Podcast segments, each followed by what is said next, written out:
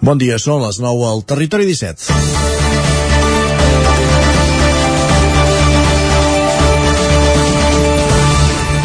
Mossos d'Esquadra i bombers han reprès fa poc més d'una hora la recerca a la zona del Coll de la Marrana, a l'àrea de Vallter, al Ripollès, la recerca d'un veí de Camprodon de 47 anys que busquen des d'ahir a les 6 de la tarda.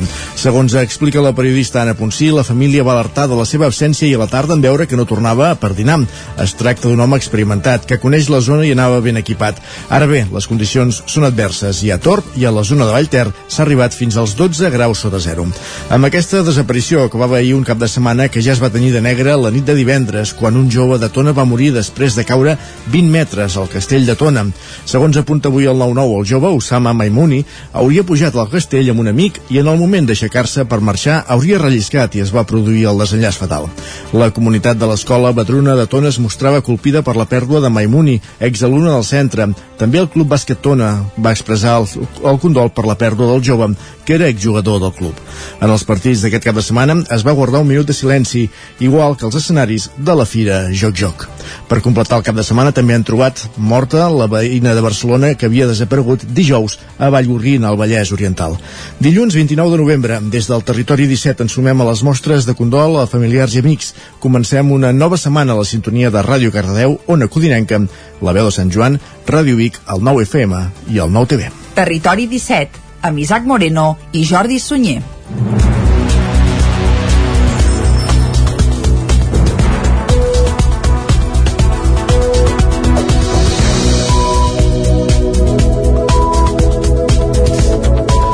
Passen un parell de minuts de les 9 del matí d'avui dilluns, dia 29 de novembre de 2021. Arrenca ara mateix un nou Territori 17 que avui, com sempre, durant la primera hora us acostarà tota l'actualitat de les nostres comarques. Després, a partir de les 10, més informació i, com sempre, entrevista. Avui cap on anirem, Isaac? Avui anirem cap al Ripollès. De fet, des de la veu de Sant Joan, amb l'Isaac Muntades, parlarem amb en Josep Pascal, que és el gerent de la Unió Intersectorial Empresarial del Ripollès, una associació que té un acrònim molt difícil de dir perquè hi ha tres tres vocals juntes, UIR. Uf, que complicat, que complicat. Molt bé, seguirem, va, després de treure l'entrellat de que s'amaga darrere de la UIR, el que farem és anar a piulades, passarem per la taula de redacció i com tots els dilluns també farem un repàs a com els ha anat esportivament parlant el cap de setmana els equips del nostre territori. A la darrera hora, a partir de les 11, tindrem els solidaris amb Eloi Puigferrer, des de Ràdio Vic i avui parlant de la Fadis Baix Montsem. Coneixerem els detalls d'aquesta entitat. I, evidentment, com sempre, també tindrem temps d'anar a la R3 i, com que és dilluns, acabarem fent tertúlia esportiva. En un cap de setmana en què el Barça ha guanyat 1-3 al Villarreal, l'Espanyol ha guanyat 1-0 al Real Societat, que fins ara estava allà a davant de tot, i, I el Madrid ha guanyat 2-1 al Sevilla, que s'ha desmarcat a la Real. Vaja. Doncs va, això ho repassarem a la part final d'un programa que ara arrenca, com sempre, acostant-vos l'actualitat de casa nostra, de casa vostra, l'actualitat de les comarques del Ripollès, Osona, el Moianès i el Vallès Oriental.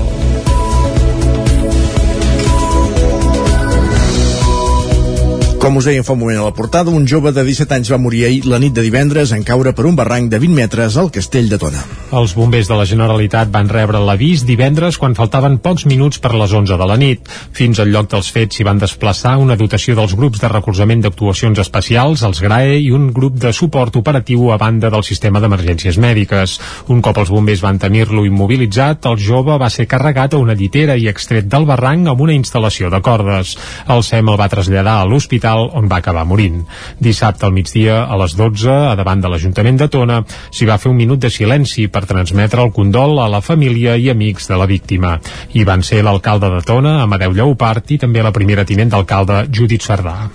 Avui és un dia molt trist per a Tona. És un dia molt trist perquè eh, aquesta desgràcia, un, un noi jove, és, és, és que no la voldríem haver de gestionar eh, cap dia de l'any ni cap dia de la vida és realment una cosa que, que, que, que, no entens que colpeix i és evident que que Tona està en estat de xoc. Hem volgut fer aquest minut de silenci en reconeixement a ell, a la família, als companys, que els tenim aquí darrere i de debò que colpeix molt quan veus aquestes edats on comença la vida, on tot comença i un dia avui per disfrutar al carrer i per jugar a la plaça i que resulta que hem de conviure la fira amb aquesta, amb aquesta tragèdia perquè realment és una tragèdia Els missatges de condol han estat constants al llarg del cap de setmana a les xarxes socials. Troben morta també la dona desapareguda a Vallgorguina, al Vallès Oriental. S'ha localitzat a prop d'una bassa de la zona forestal 54, només 500 metres d'on va deixar el vehicle. Núria Lázaro, de Ràdio Televisió de Cardedeu. Tres dies després de recerca s'ha localitzat el cos sense vida de la Sònia, la dona de 47 anys, desapareguda a Barcelona dijous a la tarda i que després de rastrejar el seu telèfon mòbil es va poder localitzar el seu vehicle estacionat al quilòmetre 14,5 de la carretera C61 a la zona de Cantonador i Can Martori. Al cos l'han trobat un grup de recerca de Mossos d'Esquadra i Creu Roja a la zona forestal 54 a prop d'una bassa a la zona dels vivers que utilitza ADF en cas de necessitat. El cos es va localitzar ahir al migdia després de resultats infructuosos de dues jornades de recerca amb una batuda a peu i amb helicòpter de gairebé 700 metres quadrats de la zona forestal de Vallgorguina. Aquest dissabte l'operativa per intentar localitzar la Sònia era la més nombrosa dels tres dies, ja que hi participaven més d'un centenar de persones voluntàries que van respondre de manera predisposada i solidària a la crida de divendres a la tarda que va fer l'Ajuntament de Vallgorguina. El comandament de l'operativa ha estat dels bombers de la Generalitat i també hi han participat Mossos d'Esquadra, agents rurals, Protecció Civil, SEM i Creu Roja, a banda dels voluntaris. També s'ha fet la recerca amb gossos ensinistrats i helicòpters dels Mossos d'Esquadra i dels bombers de la Generalitat. Precisament dissabte, amb l'helicòpter dels bombers hi va pujar l'alcalde de Vallgorguina, Joan Mora, responent de manera afirmativa a la petició del comandament de l'operativa, ja que és un gran coneixedor de la zona forestal del municipi. El govern de la Generalitat té prevista per aquest mateix dilluns una reunió per revisar si finalment s'implanta o no l'obligació d'ensenyar el passaport Covid als bars, restaurants i gimnasos. Divendres al migdia, el conseller de Salut, Josep Maria Argimon, des de Vic, va anunciar per sorpresa la suspensió temporal de la mesura. Una decisió que Salut prenia després d'hores amb problemes al web La meva salut. A primera hora del matí de divendres, a la majoria de bars i restaurants de la comarca d'Osona, l'aplicació del passaport Covid no els havia agafat desprevinguts. Els responsables dels establiments tenien les eines per escanejar els codis QR i els maldecaps eren per anar rebent els clients i assegurar-se que portaven el document a sobre. Joan Arnaus és el responsable del bar L'Indià. Sí, que ens ha agafat una mica desprevinguts, tot i que ja teníem informació a través del gremi, però, eh, esclar, avui ha sigut una mica més, eh, més caòtic, perquè hi ha clientela, tens que atendre'ls aquí a la porta, és una mica engorrós. Aquesta és la probabilitat, però si s'ha de fer, es té que fer i endavant. No passa res. Ara bé, el que molts no s'esperaven és que el conseller de Salut, Josep Maria Argimon, sortiria hores després, després d'una reunió precisament d'urgència, a anunciar un canvi d'última hora suspendre temporalment la resolució, per tant suspendre la necessitat d'utilitzar el certificat digital Covid a restaurants, bars i restaurants, a gimnasos i a les residències, d'acord? Durant tot aquest cap de setmana, el dilluns que ve que tindrem eh, doncs nova comissió delegada, analitzarem altre cop tota la situació i tindrem totes les dades també des del punt de vista més tecnològic una suspensió temporal que va donar aire a molts restauradors i també a la ciutadania, que encara no tenia el passaport descarregat. Sigui com sigui, el sector considera que l'aplicació d'aquesta nova mesura els posa en una situació incòmoda davant els clients. Ho explicava divendres Marc Galceran, copropietari del Divignus. L'escoltem a ell i també al conseller de Salut. La problemàtica que veig jo és eh, en el moment de que un certificat et surt negatiu, de que et surt vermell. Llavors què li dius, no? Imagina't eh, que nosaltres ens han explicat la teoria és molt maca qui tingui pot, qui no, no pot. Però clar, nosaltres tenim reserves des de fa molts dies, eh, sopars d'empresa taules grans i així. Llavors eh, nosaltres sí que començam a estar al cas però entenc que no tothom està al cas. Llavors la, les funcions que ens toquen a nosaltres de fer una mica de controlador o de policia doncs emprenya una mica, la veritat. No, no se'ls està demanant aquesta funció de policia jo crec que en aquest sentit també i vostès eh, eh, ho hem dit moltes vegades és apel·lar aquesta responsabilitat de tots. És apel·lar aquesta responsabilitat de tots. Eh, bé, és que no hi ha més. l'Ajuntament La comissió delegada de la Covid-19 es reunirà de nou aquesta tarda per analitzar les causes dels problemes tècnics i anunciar quan es reprendrà el passaport Covid.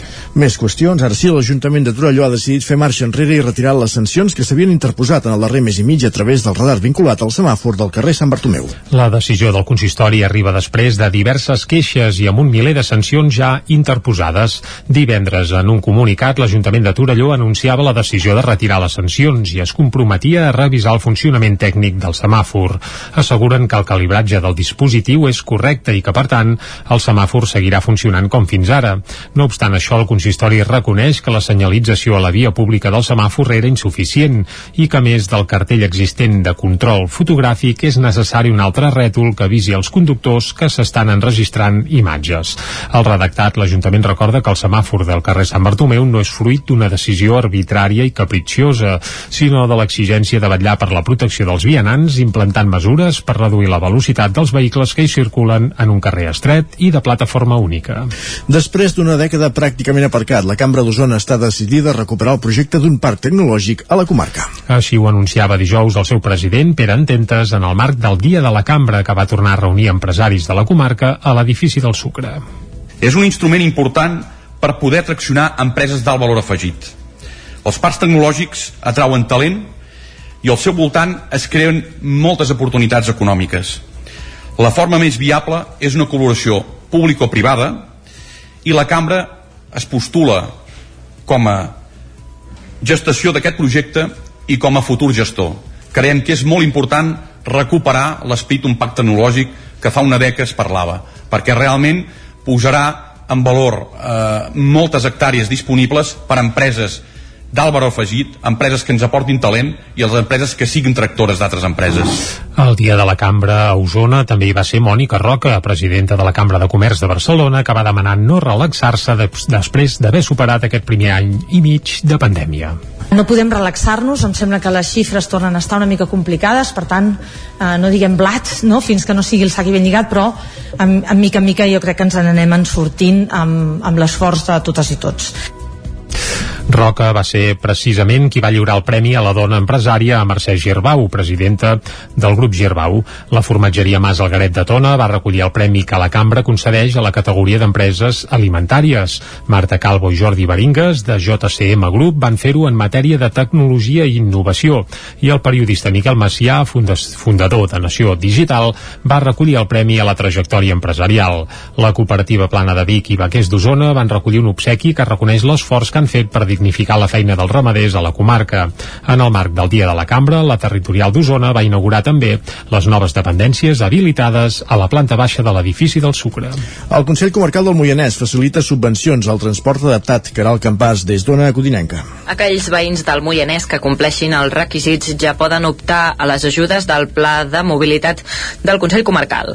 Laura Jucandella, consellera de l'àrea de Benestar Social, explicava quines persones poden acollir-se a aquest ajut. Diguem que per, en primer lloc es valoren les persones que tenen una, una discapacitat eh, que tenen el grau A o el grau B de discapacitat de mobilitat que tenen el reconeixement vale? i en persones que tenen un grau de dependència el D o l'E o l'F com a novetat, a banda de les persones amb un grau de discapacitat determinada, enguany també hi poden sol·licitar l'ajuda institucions. Llavors també aquest any eh, poden sol·licitar aquesta subvenció als centres directament. Si, si hi ha centres de dia o centres de gent gran o amb discapacitat ells tenen ja vehicle propi de transport adaptat, doncs també es pot demanar aquest ajut. Per poder rebre la subvenció cal tenir un grau de dependència o de mobilitat determinat i validat per la Direcció General de Protecció Social. Els ajuts es poden sol·licitar fins al 30 de novembre via portal web o de manera presencial al Consell Comarcal del Moianès. El desconeixement digital primer i després la manca de temps són les traves principals per avançar la digitalització dels comerços al Ripollès. Isaac Muntades, des de la veu de Sant Joan. La consultora en temes de digitalització Eva Cuende, que fa uns mesos que viu a Sant Joan de les Abadeses, treballa des del mes de març per la Unió Intersectorial Empresarial del Ripollès, precisament assessorant comerços en matèria de digitalització per tal de donar una empenta a les vendes dels negocis de la comarca. En un principi, Cuende explica que els comerços estaven força verds i que s'han anat engrescant fins a obtenir els primers resultats amb vendes a través d'internet. De fet, Quende recorda que la comarca té el seu propi marketplace anomenat Respira de Compres al Ripollès, en què hi ha adherits una quarantena d'establiments o comerços. La treballadora de l'UIER explica que al principi es va haver de fer molta formació de coses bàsiques, com fer funcionar l'Instagram, explicar què és una etiqueta o un reel, ensenyar com s'han de posar els continguts o aprendre a fer servir el Google Business de Google Maps. En canvi, ara ja es vol ensenyar a fer pinya i crear campanyes conjuntes per aconseguir potenciar el comerç per donar-los més visibilitat. Tot i això, quan ja tenen la formació, apareix un altre problema. Després, quan ja tenen una mà amiga que els hi ajuda, llavors i ja saben ells com funciona, eh, el que els hi falta és el temps, no? Perquè ja s'engresquen i diuen, ui, això fes molta feina, no? Però clar, també hi ha, existeixen que els hi ensenyo unes plataformes que poden planificar i programar-se els continguts, per exemple, doncs em planifico 15 dies, me'ls faig en una tarda aquest contingut de 15 dies i a 15 dies ja m'oblido i ja va passant el contingut. Aquesta fase de programació ja és una fase més avançada que encara um, no hem arribat amb tot. Una de les últimes actuacions que Quende ha dut a terme és la programació de la Fira de Nadal de Sant Joan, juntament amb la Unió de Botiguers i l'Ajuntament. Es farà el pròxim 4 de desembre de 10 del matí durant tota la tarda a la plaça Anselm Clavé, on s'hi ubicaran parades d'artesans i productes nadalencs. També hi haurà un taller de Nadal, un espectacle infantil de fer cagar el tió i un fotocall de 4 a 7 de la tarda. A més, hi haurà jocs tradicionals, una xocolatada i un sorteig entre aquells que comprin a les botigues associades a la Unió de Botiguers amb 6 premis, dos vals de 100 euros per comprar als establiments associats i 4 de 50 euros. Gràcies, Isaac. Fins aquí aquest repàs informatiu que començàvem a les 9 i que hem fet en companyia de Jordi Sunyer, Isaac Muntades, Núria Lázaro i Caral Campàs. Anem pel temps.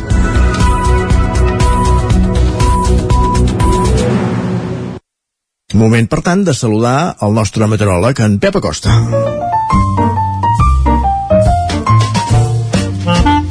Casa Terradellos us ofereix el temps. Pep Acosta, que ja alertem a tothom que està eufòric després d'aquests dies de moviment i caliu meteorològic, per tant el saludem de seguida. Pep, bon dia.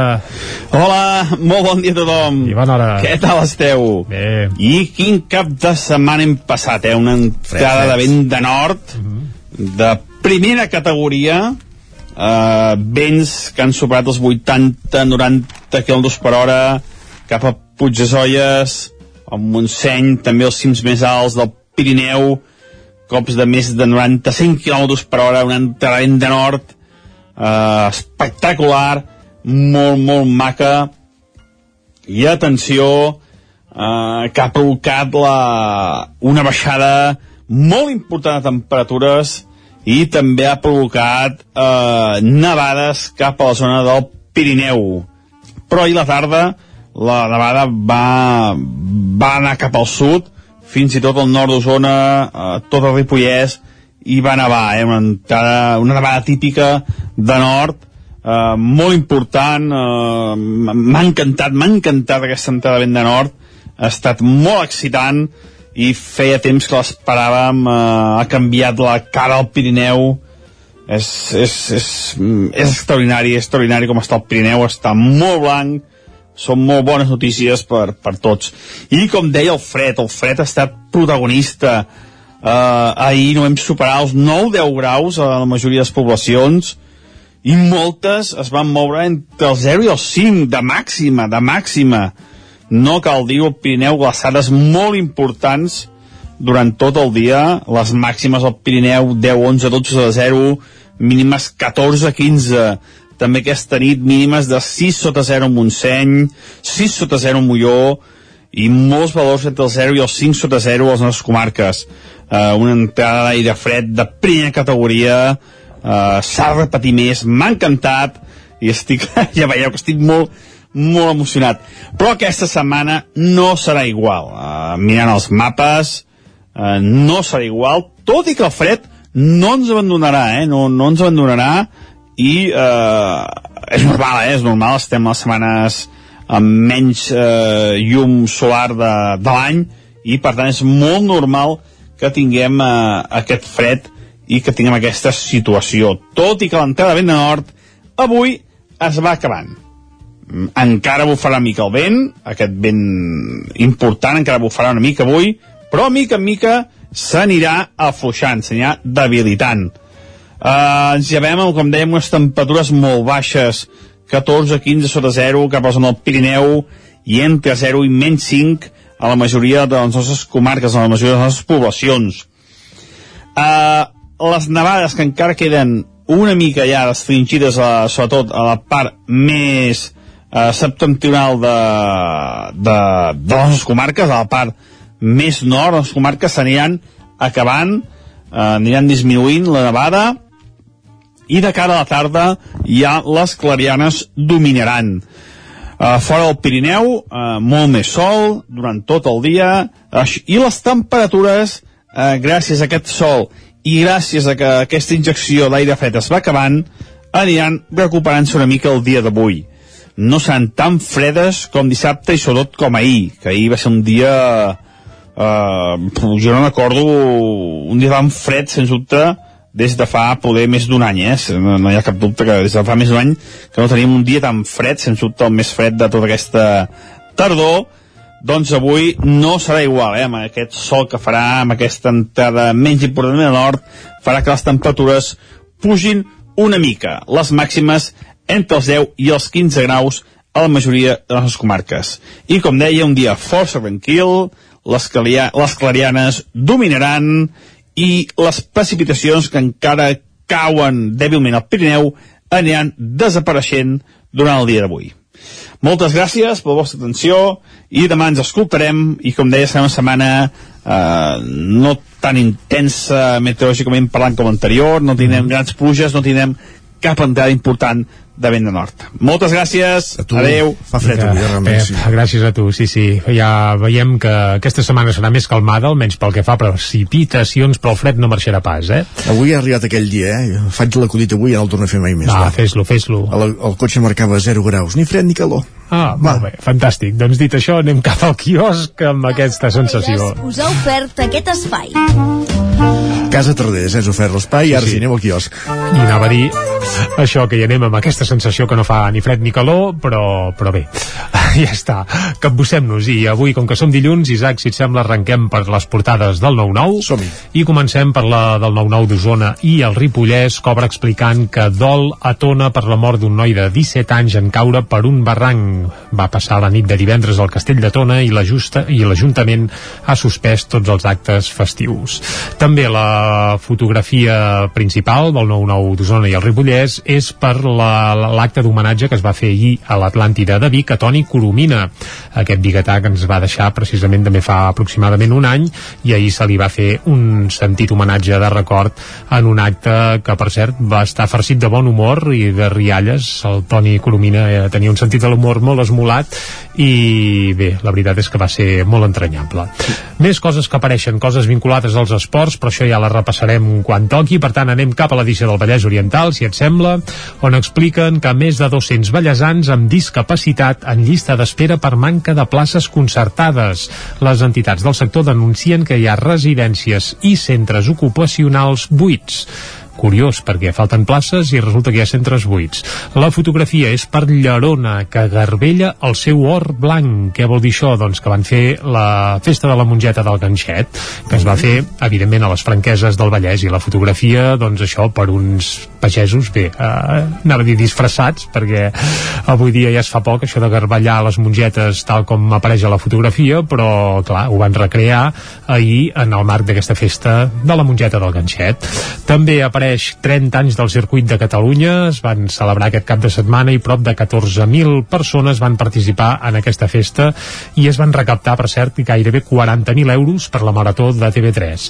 Recordem que si algú encara no té el disc de la marató, eh, amb l'edició precisament d'avui dilluns del 9-9, tant d'Osona i el Ripollès com del Vallès, també es pot adquirir el disc de la marató, per tant, si encara no el teniu, eh, aprofiteu i feu-hi cap, que val molt la pena. Dit això, anem a les portades d'àmbit nacional. Som-hi, va. Comencem I pel punt avui, va, Comencem avui. pel punt avui, va, uh, per variar. Titular principal, el límit. Els intents de suïcidi creixen en 22, un 22% a Catalunya. I apareix el testimoni d'una noia, la Júlia Campos, que bé, va intentar suïcidar-se fa un temps i ara explica jo ara tinc ganes de viure i és com tornar a néixer. Això explica aquest cas particular a la portada del punt avui la Júlia Campos. També hi ha una entrevista a la Laura Borràs i eh, diu la majoria independentista no s'ha perdut, els votants hi són. També amb un raconet de la portada del punt avui apareix que augmenten els contagis però millora el ritme de vacunació, això relacionat amb l'actualitat de la Covid. Anem cap a l'ara. Principal eh, titular, alerta a Europa per l'expansió de la nova variant. La nova variant eh, que arribaria de Sud-àfrica i diuen que sis països en, confi en confirmen casos i la Unió Europea parla de cursa contra el temps, és a dir, a sis països de la Unió Europea ja s'hauria confirmat l'arribada d'aquesta nova variant de la Covid. Israel tanca les seves fronteres i el G7 es reuneix avui d'urgència. El govern preveu tornar al gener les multes pel confinament ja pagades. Recordem que es va dictaminar que s'havien de retornar aquelles multes. Per tant, a partir del gener sembla que es començarien a retornar. La principal fotografia de portada a l'ara és per Europa envia Frontex al canal de la Màniga. França i la Comissió Europea responen a la pressió de Boris Johnson. I eh, també un reportatge per explicar als teus fills que quan eres petit van abusar de tu. Un reportatge colpidor a la portada de l'ara. Més portades que s'editen des de Barcelona, La Vanguardia, inquietud pel risc que els contagis de Covid es desboquin. I també la fotografia per comença la campanya de Nadal. Aquest cap de setmana molts pobles i ciutats hi ha llumets de Nadal eh, com si ja fóssim res, eh, en plena Bé, en plena, en plena jornada de, de Nadal, evidentment. El periòdico L'Espanya buidada sortirà a l'arena electoral al gener proposta per firmar un pacte d'estat que la defensi. La fotografia després de Messi, Alexia. I aquí apareix sobre els patums del Barça femení. Cinc jugadores del Barça aspiren avui a conquistar la pilota d'or a París. Deixem el periòdico, anem ràpidament a fer un cop d'ull a portades que s'editen des de Madrid. Comencem pel país. La variant Omicron, que és el nom que té aquesta nova variant de la Covid, s'estén per Europa en plena sisena onada. Uh, també adeu a la veu del compromís. Recordem que aquest cap de setmana ha mort l'escriptora Almudena Grandes. Més portades uh, ràpidament. El Mundo, el govern planeja pujar els impostos verds fins a 7.500 milions. I l'ABC el, secessionisme, el secessionisme abraça la immersió lingüística per mantenir viu el procés. Això Mare titulen uh, i ràpidament a la, a la Razón les víctimes volen acabar amb els homenatges a Atarres Vinga, doncs acabem aquest repàs de les portades, 3 minuts i tornem a més notícies al Territori 17. El nou FM, la ràdio de casa, al 92.8. El racó de León. Gaudeix de la nostra terrassa. Vine a tastar les xuletilles de l'Echal a la brasa amb una bona amanida o el xuletón de vedella gallega. No et pots perdre el nostre lechado de Castilla al forn o el cochinillo a l'estil de Segovia. Tot acompanyat del millor celler, al menjador o fora la terrassa. Descobreix la millor cuina de Lleó sense moure't de casa. Vine amb la família, els amics, la parella o sol. T'encantarà. El racó de León, cuina tradicional lleonesa i de mercat. Som al carrer Torelló número 35 de Vic. Per reserves, telèfon 93 889 1950. El racó de León, una cuina diferent. Som especialistes en cargols a la llauna. Vine a tastar-los al racó de León. Amb Pradell estalvio energia i cuido la meva butxaca i el medi ambient. Posa't en mans a Pradell, són experts en calderes de gas i condensació, estufes de pèl·let, energia solar, terres radiants i geotèrmia. Pradell instal·la calderes de biomassa per a particulars i per a empreses. Si vols estalviar un 50% en consum, contacta amb Pradell i passa't a les energies renovables. Pradell som a l'Avinguda Països Catalans 27 de Vic. Telèfon 93 885 1197. Pradell.cat. Rètols 2A. Experts en comunicació visual. Rètols, banderoles, vinils, impressió, plaques gravades, senyalització, display... Rètols Dos Art. Ja són 25 anys al vostre servei. Ens trobareu a la carretera de Vic a Olot número 7, al polígon Malloles de Vic. dosartvic.com Telèfon 93 889 2588. Autoscola Montseny. Ara és el moment de fer els cursos de teòrica intensius, ràpid i eficaç. T'informarem dels PACs. Permís de moto de 16 i 18 anys i permís de cotxe. I si vens a veure'ns, tindràs un obsequi. Apunta't i no t'ho pensis més. Per més informació, Autoscola Montseny, Rambla de Vallades, número 13 de Vic. Busca'ns a Instagram i Facebook. Això és el que s'escolta al voltant d'una caldera saunia d'Oval. tranquil·litat i benestar, perquè gaudeix del millor manteniment del servei tècnic oficial per estar despreocupat. O el que vulgui. Informis a Oficiat Nord trucant al 938860040. Saunier Duval, sempre al seu costat. El nou FM. Anuncia't al 9FM. La màquina de casa. 9 3 8 8 9 4 9 4 9 Publicitat arroba al 9FM.cat. Anuncia't al 9FM. La publicitat més eficaç. El 9FM, el 9FM, el 9FM, el 9FM, el 9FM. En punt dos quarts de deu al territori 17. Territori 17, amb Isaac Moreno i Jordi Sunyer.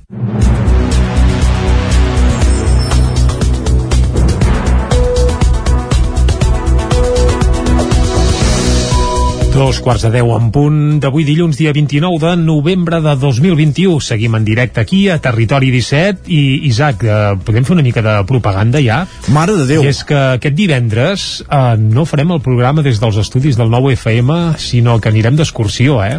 Exacte. Podem Eh, avançar-ho, això, Serem oi? a Espinelves. Dissabte comença la Fira de l'Avet Uh -huh. i divendres en coneixerem tots els detalls in situ, fent el programa des de la Fira de l'Avet, evidentment amb la resta de continguts habituals, connectant amb la resta de- d'emissores del territori 17, però eh, els continguts principals, entrevista, tertúlia, eh, en fi, tot anirà relacionat amb la Fira de l'Avet i serem allà a Espinelves per explicar-vos-ho. Doncs qui vulgui, si va fer un vol per Espinelves entre les 9 del matí i les 12, ens veurà allà passant, Congelats. pensant, passant fred. I Però va dir- passant-nos-ho molt bé. En Pep Acosta, clar que sí. Doncs va, fet aquest apunt, que ja us anirem recordant durant tota la setmana, el que ara és acostar-vos de nou tota l'actualitat de les nostres comarques, però ja us avancem que avui, fins a les 12, també tindrem música. Avui estrenarem el més nou dels Catarres, que Mhm. tornen. Uh, també tindrem entrevista, avui des de la veu de Sant Joan, oi? Correcte. Eh, com dèiem, parlem amb Josep Pascal, gerent de l'Unió Intersectorial Empresarial del Ripollès, l'UIER. Tindrem temps de repassar com els ha anat esportivament parlant al cap de setmana els equips del nostre territori. Passarem pels solidaris amb Eloi Puigferrer. Avui centrant-nos amb la Fadis Baix Montseny. I acabarem, com sempre els dilluns, fent tertúlia esportiva amb els nostres tertulians habituals. Isaac Muntades, Lluís de Planell, Guillem Freixa. I ara el que toca és acostar-vos de nou l'actualitat de casa nostra, l'actualitat de les comarques del Ripollès, Osona, el Moianès i el Vallès Oriental. Com us deia fa un moment a la portada, un jove de 17 anys va morir ahir la nit de divendres en caure per un barranc de 20 metres al castell de Tona. Els bombers de la Generalitat van rebre l'avís divendres quan faltaven pocs minuts per les 11 de la nit. Fins al lloc dels fets s'hi van desplaçar una dotació dels grups de recolzament d'actuacions especials, els GRAE, i un grup de suport operatiu a banda del sistema d'emergències mèdiques. Un cop els bombers van tenir-lo immobilitzat, el jove va ser carregat a una llitera i extret del barranc amb una instal·lació de cordes. El SEM el va traslladar a l'hospital on va acabar morint. Dissabte al migdia, a les 12, a davant de l'Ajuntament de Tona, s'hi va fer un minut de silenci per transmetre el condol a la família i amics de la víctima. Hi van ser l'alcalde de Tona, Amadeu Lleupart, i també la primera tinent d'alcalde, Judit Sardà. Avui és un dia molt trist per a Tona. És un dia molt trist perquè eh, aquesta desgràcia, un, un noi jove, és, és, és que no la voldríem haver de gestionar eh, eh, cap dia de l'any ni cap dia de la vida. És realment una cosa que, que, que, que, que no entens, que colpeix, i és evident que, que Tona està en estat de xoc. Hem volgut fer aquest minut de silenci en reconeixement a ell, a la família, als companys, que els tenim aquí darrere i de debò que colpeix molt quan veus aquestes edats on comença la vida, on tot comença i un dia avui per disfrutar al carrer i per jugar a la plaça i que resulta que hem de conviure la fira amb aquesta, amb aquesta tragèdia perquè realment és una tragèdia. Els missatges de condol han estat constants al llarg del cap de setmana a les xarxes socials. Troben morta també la dona desapareguda a Vallgorguina, al Vallès Oriental. S'ha localitzat a prop d'una bassa de la zona forestal 54, a només 500 metres d'on va deixar el vehicle. Núria Lázaro, de Ràdio Televisió de Cardedeu. Tres dies després de recerca s'ha localitzat el cos sense vida de la Sònia, la dona de 47 anys, desapareguda a Barcelona dijous a la tarda i que després de rastrejar el seu telèfon mòbil es va poder localitzar el seu vehicle estacionat al quilòmetre 14,5 de la carretera C61 a la zona de Cantonador i Can Martori. Al cos l'han trobat un grup de recerca de Mossos d'Esquadra i Creu Roja a la zona forestal 54 a prop d'una bassa a la zona dels vivers que utilitza ADF en cas de necessitat. El cos es va localitzar ahir al migdia després de resultats infructuosos de dues jornades de recerca amb una batuda a peu i amb helicòpter de gairebé 700 metres quadrats de la zona forestal de Vallgorguina.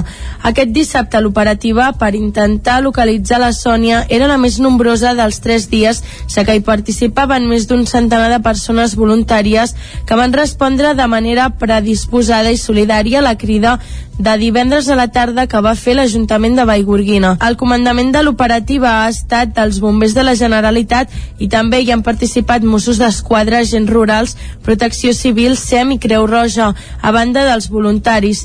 També s'ha fet la recerca amb gossos ensinistrats i helicòpters dels Mossos d'Esquadra i dels bombers de la Generalitat. Precisament dissabte, amb l'helicòpter dels bombers hi va pujar l'alcalde de Vallgorguina, Joan Mora, responent de manera afirmativa a la petició del comandament comandament de l'operativa, ja que és un gran coneixedor de la zona forestal del municipi. El govern de la Generalitat té prevista per aquest mateix dilluns una reunió per revisar si finalment s'implanta o no l'obligació d'ensenyar el passaport Covid als bars, restaurants i gimnasos. Divendres al migdia, el conseller de Salut, Josep Maria Argimon, des de Vic, va anunciar per sorpresa la suspensió temporal de la mesura. Una decisió que Salut prenia després d'hores amb problemes al web La Meva Salut. A primera hora del matí de divendres, a la majoria de bars i restaurants de la comarca d'Osona, l'aplicació del passaport Covid no els havia agafat desprevinguts. Els responsables dels establiments tenien les eines per escanejar els codis QR i els maldecaps eren per anar rebent els clients i assegurar-se que portaven el document a sobre. Joan Arnaus és el responsable del bar L'Indià. Sí, que ens ha agafat una mica desprevinguts, tot i que ja teníem informació a través del gremi, però, eh, esclar, avui ha sigut una mica més, eh, més caòtic, perquè hi ha clientela, tens que atendre'ls aquí a la porta, és una mica engorrós aquesta és la probabilitat, però si s'ha de fer es té que fer i endavant. No passa res. Ara bé, el que molts no s'esperaven és que el conseller de Salut, Josep Maria Argimon sortiria hores després, després d'una reunió precisament d'urgència, a anunciar un canvi d'última hora. Suspendre temporalment la resolució, per tant suspendre la necessitat d'utilitzar el certificat digital Covid a restaurants, bars i restaurants, a gimnasos i a les residències d'acord? Durant tot aquest cap de setmana, el dilluns que ve que tindrem eh, doncs nova comissió delegada analitzarem altre cop tota la situació i tindrem totes les dades també des del punt de vista més tecnològic una suspensió temporal que va donar aire a molts restauradors i també a la ciutadania que encara no tenia el passaport descarregat. Sigui com sigui, el sector considera que l'aplicació d'aquesta nova mesura els posa en una situació incòmoda davant els clients. Ho explicava divendres Marc Galceran, copropietari del Divignus. L'escoltem a ell i també al conseller de Salut. La problemàtica que veig jo és eh, en el moment de que un certificat et surt negatiu, de que et surt vermell llavors què li dius, no? Imagina't eh, que nosaltres ens han explicat la teoria és molt maca qui tingui pot, qui no, no pot però clar, nosaltres tenim reserves des de fa molts dies, eh, sopars d'empresa, taules grans i així, llavors eh, nosaltres sí que començam a estar al cas, però entenc que no tothom està al cas.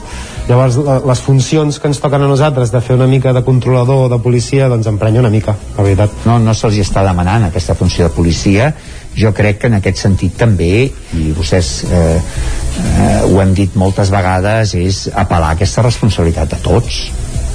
És apel·lar aquesta responsabilitat de tots. Eh, bé, és que no hi ha més. l'Ajuntament la comissió delegada de la Covid-19 es reunirà de nou aquesta tarda per analitzar les causes dels problemes tècnics i anunciar quan es reprendrà el passaport Covid. Més qüestions. Ara sí, l'Ajuntament de Torelló ha decidit fer marxa enrere i retirar les sancions que s'havien interposat en el darrer mes i mig a través del radar vinculat al semàfor del carrer Sant Bartomeu. La decisió del consistori arriba després de diverses queixes i amb un miler de sancions ja interposades. Divendres, en un comunicat, l'Ajuntament de Torelló anunciava la decisió de retirar les sancions i es comprometia a revisar el funcionament funcionament tècnic del semàfor. Asseguren que el calibratge del dispositiu és correcte i que, per tant, el semàfor seguirà funcionant com fins ara. No obstant això, el consistori reconeix que la senyalització a la via pública del semàfor era insuficient i que, més del cartell existent de control fotogràfic, és necessari un altre rètol que avisi els conductors que s'estan enregistrant imatges. Al redactat, l'Ajuntament recorda que el semàfor del carrer Sant Bartomeu no és fruit d'una decisió arbitrària i capritxiosa, sinó de l'exigència de vetllar per la protecció dels vianants implantant mesures per reduir la velocitat dels vehicles que hi circulen en un carrer estret i de plataforma única. Després d'una dècada pràcticament aparcat, la Cambra d'Osona està decidida a recuperar el projecte d'un parc tecnològic a la comarca. Així ho anunciava dijous el seu president, Pere Ententes, en el marc del Dia de la Cambra, que va tornar a reunir empresaris de la comarca a l'edifici del Sucre. És un instrument important per poder traccionar empreses d'alt valor afegit. Els parcs tecnològics atrauen talent i al seu voltant es creen moltes oportunitats econòmiques. La forma més viable és una col·laboració público-privada i la cambra es postula com a gestació d'aquest projecte i com a futur gestor. Creiem que és molt important recuperar l'esperit d'un pacte tecnològic que fa una dècada es parlava, perquè realment posarà en valor eh, moltes hectàrees disponibles per a empreses d'alt valor afegit, empreses que ens aportin talent i les empreses que siguin tractores d'altres empreses. El dia de la cambra a Osona també hi va ser Mònica Roca, presidenta de la Cambra de Comerç de Barcelona, que va demanar no relaxar-se de, després d'haver superat aquest primer any i mig de pandèmia. No podem relaxar-nos, em sembla que les xifres tornen a estar una mica complicades, per tant, eh, no diguem blats, no? fins que no sigui el sac ben lligat, però en, en mica en mica jo crec que ens n'anem en sortint amb, amb l'esforç de totes i tots. Roca va ser precisament qui va lliurar el premi a la dona empresària Mercè Girbau, presidenta del grup Girbau. La formatgeria Mas Algaret de Tona va recollir el premi que la cambra concedeix a la categoria d'empreses alimentàries. Marta Calvo i Jordi Baringues, de JCM Group, van fer-ho en matèria de tecnologia i innovació. I el periodista Miquel Macià, fundador de Nació Digital, va recollir el premi a la trajectòria empresarial. La cooperativa Plana de Vic i Vaquers d'Osona van recollir un obsequi que reconeix l'esforç que han fet per dignificar la feina dels ramaders a la comarca. En el marc del Dia de la Cambra, la territorial d'Osona va inaugurar també les noves dependències habilitades a la planta baixa de l'edifici del Sucre. El Consell Comarcal del Moianès facilita subvencions al transport adaptat que el campàs des d'Ona a Codinenca. Aquells veïns del Moianès que compleixin els requisits ja poden optar a les ajudes del Pla de Mobilitat del Consell Comarcal. Laura Jucandella, consellera de l'àrea de benestar social, explicava quines persones poden acollir-se a aquest ajut. Diguem que per, en primer lloc es valoren les persones que tenen una, una discapacitat eh, que tenen el grau A o el grau B de discapacitat de mobilitat que tenen el reconeixement vale? i en persones que tenen un grau de dependència el D o l'E o l'F com a novetat, a banda de les persones amb un grau de discapacitat determinada, enguany també hi poden sol·licitar l'ajuda institucions. Llavors també aquest any eh, poden sol·licitar aquesta subvenció als centres directament. Si, si hi ha centres de dia o centres de gent gran o amb discapacitat ells tenen ja vehicle propi de transport adaptat, doncs també es pot demanar aquest ajut. Per poder rebre la subvenció cal tenir un grau de dependència o de mobilitat determinat i validat per la Direcció General de Protecció Social. Els ajuts es poden sol·licitar fins al 30 de novembre via portal web o de manera presencial al Consell Comarcal del Moianès. El desconeixement digital primer i després la manca de temps són les traves principals per avançar la digitalització dels comerços al Ripollès. Isaac Muntades, des de la veu de Sant Joan. La consultora en temes de digitalització Eva Cuende, que fa uns mesos que viu a Sant Joan de les Abadeses, treballa des del mes de març per la Unió Intersectorial Empresarial del Ripollès, precisament assessorant comerços en matèria de digitalització per tal de donar una empenta a les vendes dels negocis de la comarca. En un principi, Cuende explica que els comerços estaven força verds i que s'han anat engrescant fins a obtenir els primers resultats amb vendes a través d'internet. De fet, Cuende recorda que la comarca té el seu propi marketplace anomenat Respira de Compres al Ripollès, en què hi ha adherits una quarantena d'establiments o comerços. La treballadora de l'UIER explica que al principi es va haver de fer molta formació de coses bàsiques, com fer funcionar l'Instagram, explicar què és una etiqueta o un reel, ensenyar com s'han de posar els continguts o aprendre a fer servir el Google Business de Google Maps. En canvi, ara ja es vol ensenyar a fer pinya i crear campanyes conjuntes per aconseguir potenciar el comerç per donar-los més visibilitat. Tot i això, quan ja tenen la formació, apareix una altra problema. Després, quan ja tenen una mà amiga que els hi ajuda, llavors i ja saben ells com funciona, eh, el que els hi falta és el temps, no? Perquè ja s'engresquen i diuen, ui, això fes molta feina, no? Però clar, també hi ha, existeixen, que els hi ensenyo, unes plataformes que poden planificar i programar-se els continguts, per exemple, doncs em planifico 15 dies, me'ls faig en una tarda aquest contingut de 15 dies i al 15 dies ja m'oblido i ja va passant el contingut. Aquesta fase de programació ja és una fase més avançada que encara um, no hem arribat amb tot. Una de les últimes actuacions que Cuende ha dut a terme és la programació de la Fira de Nadal de Sant Joan, juntament amb la Unió de Botiguers i l'Ajuntament. Es farà el pròxim 4 de desembre de 10 del matí durant tota la tarda a la plaça Anselm Clavé, on s'hi ubicaran parades d'artesans i productes nadalencs. També hi haurà un taller de Nadal, un espectacle infantil de fer cagar el tio i un fotocall de 4 a 7 de la tarda. A més, hi haurà jocs tradicionals, una xocolatada i un sorteig entre aquells que comprin a les botigues associades a la Unió de Botiguers amb 6 premis, dos vals de 100 euros per comprar als establiments associats i 4 de 50 euros. Gràcies, Isaac. Fins aquí aquest repàs informatiu que començàvem a les 9 i que hem fet en companyia de Jordi Sunyer, Isaac Muntades, Núria Lázaro i Caral Campàs. Anem pel temps.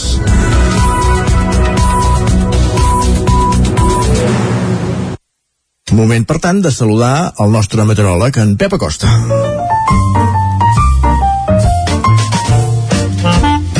Casa Terradellos us ofereix el temps. Pep Acosta, que ja alertem a tothom que està eufòric després d'aquests dies de moviment i caliu meteorològic. Per tant, el saludem de seguida. Pep, bon dia. Hola, molt bon dia a tothom. I bona hora. Què tal esteu? Bé. I quin cap de setmana hem passat, eh? Una entrada de vent de nord, de primera categoria, eh, vents que han superat els 80-90 km per hora cap a Puigdesolles, al Montseny, també els cims més alts del Pirineu, cops de més de 95 km per hora, un entrenament de nord eh, espectacular, molt, molt maca, i atenció, eh, que ha provocat la, una baixada molt important de temperatures i també ha provocat eh, nevades cap a la zona del Pirineu. Però ahir la tarda la nevada va, va anar cap al sud, fins i tot al nord d'Osona, eh, tot el Ripollès, i va nevar, eh, una, entrada, una nevada típica de nord, eh, molt important, eh, m'ha encantat, m'ha encantat aquesta entrada vent de nord, ha estat molt excitant, i feia temps que l'esperàvem, eh, ha canviat la cara al Pirineu, és, és, és, és extraordinari, és extraordinari com està el Pirineu, està molt blanc, són molt bones notícies per, per tots. I com deia el fred, el fred ha estat protagonista. Uh, ahir no hem superat els 9-10 graus a la majoria de les poblacions i moltes es van moure entre el 0 i el 5 de màxima, de màxima. No cal dir el Pirineu glaçades molt importants durant tot el dia, les màximes al Pirineu 10, 11, 12 de 0, mínimes 14, 15 també aquesta nit mínimes de 6 sota 0 a Montseny, 6 sota 0 a Molló, i molts valors entre el 0 i el 5 sota 0 a les nostres comarques. Uh, una entrada d'aire fred de primera categoria, uh, s'ha de més, m'ha encantat, i estic, ja veieu que estic molt, molt emocionat. Però aquesta setmana no serà igual. Uh, mirant els mapes, uh, no serà igual, tot i que el fred no ens abandonarà, eh? no, no ens abandonarà, i eh, és normal, eh? és normal, estem les setmanes amb menys eh, llum solar de, de l'any i per tant és molt normal que tinguem eh, aquest fred i que tinguem aquesta situació. Tot i que l'entrada de vent de nord avui es va acabant. Encara bufarà mica el vent, aquest vent important encara bufarà una mica avui, però mica en mica s'anirà afluixant, s'anirà debilitant Uh, ens llevem, com dèiem, unes temperatures molt baixes, 14-15 sota 0 cap a zona del Pirineu i entre 0 i menys 5 a la majoria de les nostres comarques, a la majoria de les nostres poblacions. Uh, les nevades que encara queden una mica ja restringides, a, sobretot a la part més uh, septentrional de, de, de les comarques, a la part més nord, les comarques s'aniran acabant, uh, aniran disminuint la nevada, i de cara a la tarda ja les clarianes dominaran. Uh, fora del Pirineu, uh, molt més sol durant tot el dia uh, i les temperatures, uh, gràcies a aquest sol i gràcies a que aquesta injecció d'aire fred es va acabant, aniran recuperant-se una mica el dia d'avui. No seran tan fredes com dissabte i sobretot com ahir, que ahir va ser un dia... Uh, jo no m'acordo un dia tan fred, sens dubte, des de fa poder més d'un any, eh? No, no hi ha cap dubte que des de fa més d'un any que no teníem un dia tan fred, sense dubte el més fred de tota aquesta tardor, doncs avui no serà igual, eh? amb aquest sol que farà, amb aquesta entrada menys important al nord, farà que les temperatures pugin una mica, les màximes entre els 10 i els 15 graus a la majoria de les comarques. I com deia, un dia força tranquil, les, les clarianes dominaran i les precipitacions que encara cauen dèbilment al Pirineu aniran desapareixent durant el dia d'avui. Moltes gràcies per la vostra atenció i demà ens escoltarem i com deia serà una setmana eh, no tan intensa meteorològicament parlant com anterior, no tindrem grans pluges, no tindrem cap entrada important de vent de nord. Moltes gràcies, adeu. Fa fred avui, realment, sí. Gràcies a tu, sí, sí. Ja veiem que aquesta setmana serà més calmada, almenys pel que fa a precipitacions, però el fred no marxarà pas, eh? Avui ha arribat aquell dia, eh? Faig l'acudit avui i no el torno a fer mai més. Ah, fes-lo, fes-lo. El, el cotxe marcava 0 graus, ni fred ni calor. Ah, Va. molt bé, fantàstic. Doncs dit això, anem cap al quiosc amb aquesta sensació. Us ha ofert aquest espai. Casa Traders, és ofert l'espai i ara sí. anem al quiosc. I anava a dir això, que hi anem amb aquesta sensació que no fa ni fred ni calor, però, però bé, ja està. Capbussem-nos i avui, com que som dilluns, Isaac, si et sembla, arrenquem per les portades del 9-9 som -hi.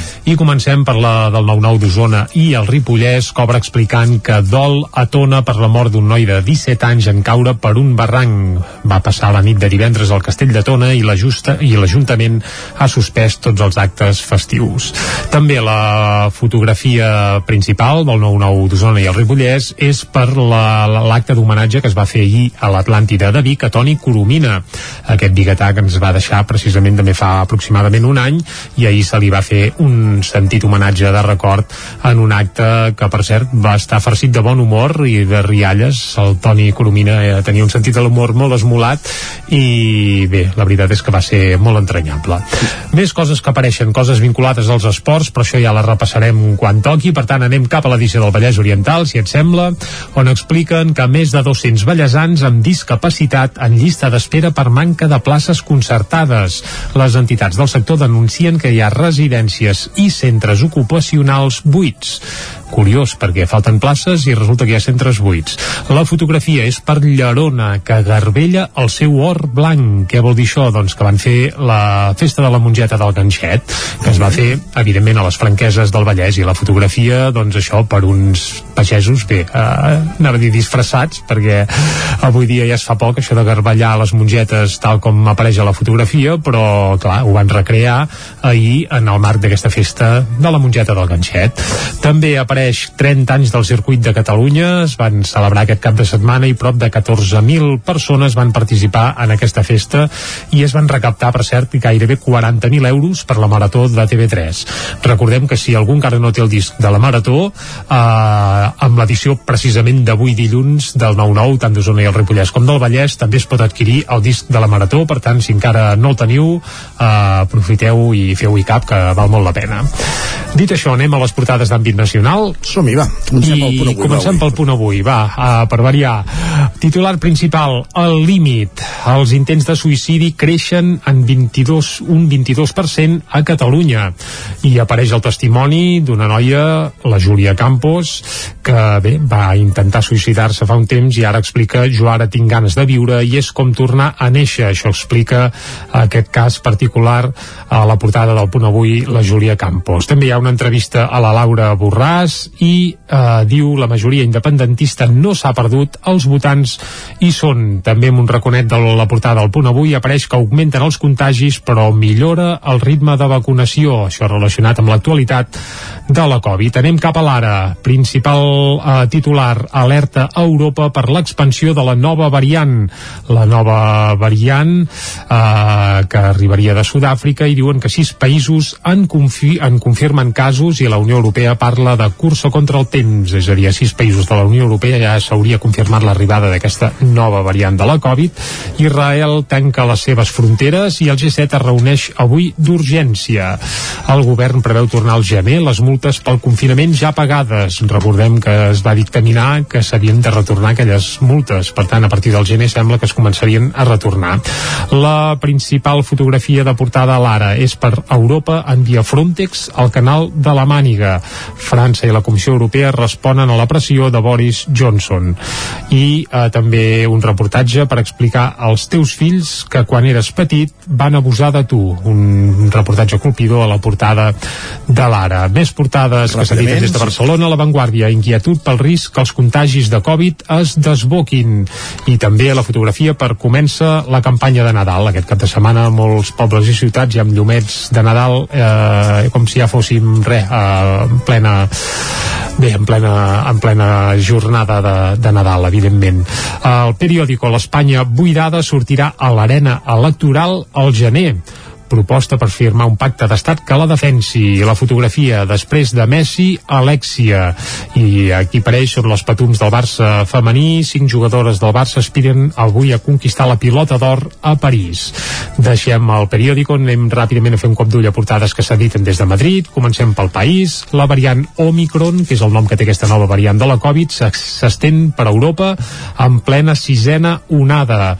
Uh, també adeu a la veu del compromís recordem que aquest cap de setmana ha mort l'escriptora Almudena Grandes. Més portades eh, ràpidament. El Mundo, el govern planeja pujar els impostos verds fins a 7.500 milions. I l'ABC el, el secessionisme abraça la immersió lingüística per mantenir viu el procés. Això Mare titulen eh, i ràpidament a la, a la Razón les víctimes volen acabar amb els homenatges a Atarres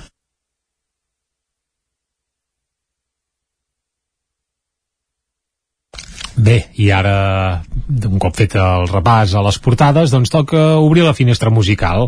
I avui estrenarem el més nou dels Catarres, que tornen després de, bé, d'uns gairebé dos anys llargs i mig de silenci, i han anunciat que tornaran amb un nou disc que es presentarà en directe el 22 d'abril al Sant Jordi Club a Barcelona, i el nou disc ja sabem el títol que té, es dirà Diamants, i aquest cap de setmana els de Centelles i Aigua Freda n'han publicat ja, on han donat a conèixer el seu primer single.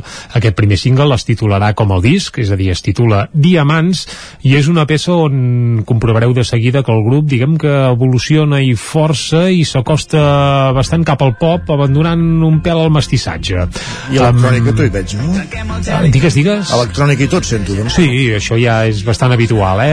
En els darrers, eh, bé, a, a punts de, dels catarres ja electrònica ja n'hi havia aparegut i es tornen una mica més poperos. Per què? Doncs part de la culpa segurament la té el seu nou guitarrista, en David Rossell, guitarrista de Brahms, etc que també serà a la gira nova que arrencarà, recordem, el dia abans de Sant Jordi a Barcelona i que segurament rodarà per tots els països catalans, per tant, pel territori 17, ja podem afirmar que hi passaran seguríssim.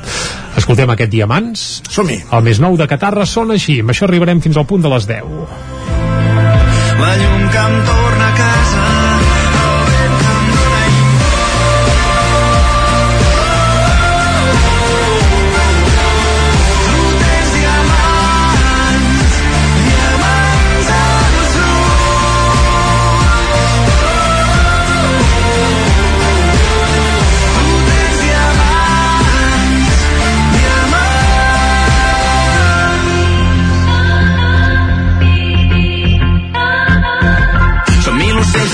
estol, units com un de sol, una harmonia en ple vol.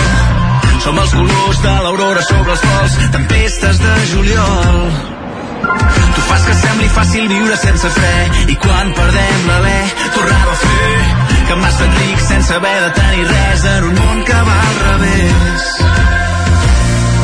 Tu tens diamants als ulls, el mapa dels meus astres estic perdut. La llum que em torna a casa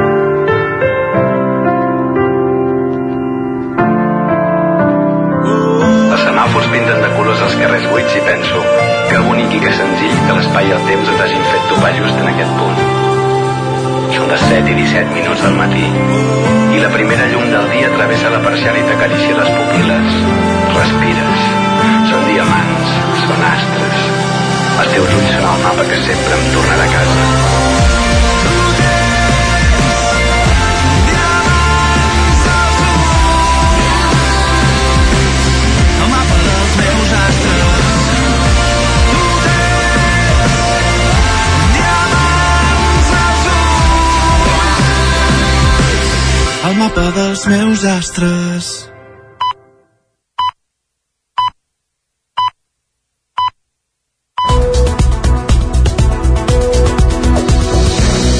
I a aquesta hora, com cada dia ens posem al dia de les notícies de les nostres comarques en connexió amb les diferents emissores que fem possible el programa cada dia. La veu de Sant Joan, Ona Codinenca, Ràdio Cardedeu, Ràdio Vic, el 9 FM i el 9 TV. Els bombers busquen un excursionista de Camprodon de 47 anys que està perdut des d'ahir a la tarda a la zona de Vallter 2000 en una nit marcada pel torb i temperatures extremes. Isaac Muntades, des de la veu de Sant Joan.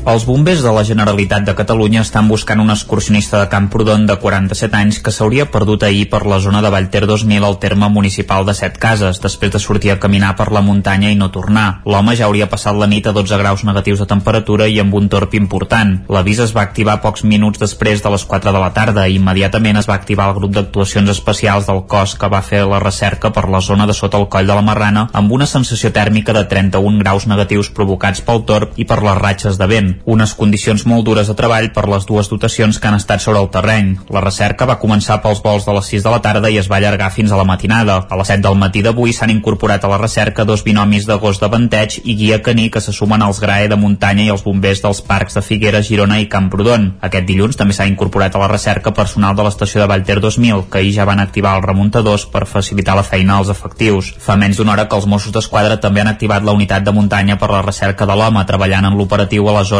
coordinadament amb els bombers. El cotxe de l'home estava al pàrquing i, segons explica la periodista Anna Ponsí, l'excursionista perdut es coneix bé la zona i anava ben equipat. La seva família va donar la veu d'alarma a mitja tarda de diumenge en veure que no tornava a dinar i no havia avisat. Gràcies, Isaac. Més qüestions. Després de més de 10 anys ubicats en mòduls prefabricats, s'ha publicat la licitació de les obres de l'edifici definitiu de l'Institut de GURB per part del Departament d'Infraestructures de la Generalitat. Segons l'alcalde de GURB, Josep Casasses, això suposa que la construcció hauria de començar abans del proper estiu. La durada prevista de les intervencions és de 16 mesos, per la qual cosa la previsió és que els alumnes puguin estrenar les aules a l'inici del curs 2023-2024. El nou equipament tindrà un cost de 5,6 milions d'euros que assumirà totalment la Generalitat i d'altra banda el consistori es farà càrrec de la construcció del vial d'accés per un import de 300.000 euros, una part dels quals finançarà a través d'un ajut de la Diputació. El futur centre tindrà capacitat per encabir tres línies d'ESO i s'ubicarà al carrer de l'Olivera, al costat dels barracons actuals. L'alcalde Casasses assegura que el nou institut és molt necessari, això sí, i que arriba molt tard. El nou edifici, del qual ja tenen les imatges virtuals, els permetrà no haver de convertir aules en tallers i laboratoris i també disposar d'espais que ara els manquen, com un menjador, una aula de música o un gimnàs, a banda d'aules per desdoblar grups. Sant Feliu de Codines aprova una moció en defensa de l'escola en català amb els vots a favor de tots els grups excepte el PSC. Caral Campàs, des d'Ona Codinenca. L'Ajuntament de Sant Feliu de Codines defensa l'escola en català. El primer ple presencial des de l'esclat de la pandèmia es va celebrar dimecres al vespre, l'endemà que es fes pública la sentència del Tribunal Suprem que imposa que un 25% de les matèries que es facin a les escoles catalanes tinguin com a llengua vehicular el castellà. Un fet que va generar que Junts, Primàries i Esquerra s'adherissin al manifest del col·lectiu Som Escola, una plataforma unitària en defensa de l'escola en català que es va aprovar per ple amb tots els vots a favor excepte el de la regidora del PSC que es va abstenir. Pol Cabotí és regidor de Primàries Codines. Continus atacs polítics i judicials contra la llengua catalana i l'educació en català responen a la voluntat de minoritzar la llengua catalana en tots els seus usos so socials, fins al punt que els diferents àmbits d'actuació en català, inclòs el model d'escola catalana, viuen sota una amenaça permanent. De fet, al contrari del que alguns voldrien fer creure, la situació del català a les aules viu una situació crítica. Segons els darrers informes del Departament d'Educació, més d'un 28% d'alumnes no fa servir mai o gairebé mai el català a l'escola. per posar només un exemple. L'acord també preveu que l'Ajuntament expressi el seu suport públic a la tasca dels docents dels països catalans i en especial els qui viuen i treballen al municipi i instar el govern català a impulsar iniciatives en l'àmbit legislatiu per preservar la llengua. El ple també va aprovar, en aquest cas per unanimitat, el manifest del Dia de l'Eradicació de la Violència Masclista. El govern de la Generalitat té prevista per aquest mateix dilluns una reunió per revisar si finalment s'implanta o no l'obligació d'ensenyar el passaport Covid als bars, restaurants i gimnasos. Divendres al migdia, el conseller de Salut, Josep Maria Argimon, que era a Vic, va anunciar per sorpresa la suspensió temporal de la mesura, una decisió que, la, que Salut prenia després d'hores amb problemes al web La Meva Salut. A primera hora del matí de divendres, la majoria de bars i restaurants de Vic, l'aplicació del passaport Covid no els havia agafat desprevinguts, i és que els responsables dels establiments tenien les eines per escanejar els codis QR i els maldecaps eren per anar rebent els clients documents i assegurar-se que portaven el document a sobre. Joan Arnaus és el responsable del bar l'Indià.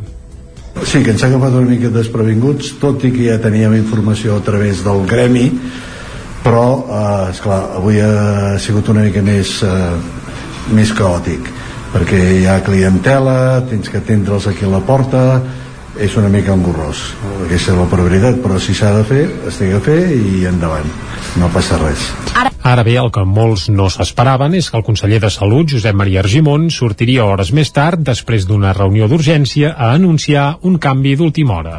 Suspendre temporalment la resolució, per tant, suspendre la necessitat d'utilitzar el certificat digital Covid a restaurants, bars i restaurants, a gimnasos i a les residències, d'acord?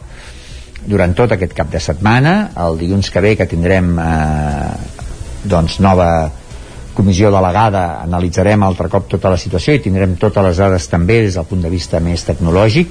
La suspensió temporal del passaport Covid va donar aire a molts restauradors i també a la ciutadania que encara no tenia el passaport descarregat. Sigui com sigui, el sector considera que l'aplicació d'aquesta nova mesura els posa en una situació incòmoda davant els clients. Ho explicava divendres Marc Galceran, copropietari del Divignus. El sentim a ell i també al conseller de Salut. La problemàtica que veig jo és eh, en el moment de que un certificat et surt negatiu, de que et surt vermell. Llavors què li dius, no? Imagina't eh, que nosaltres ens han explicat la teoria és molt maca qui tingui pot, qui no, no pot.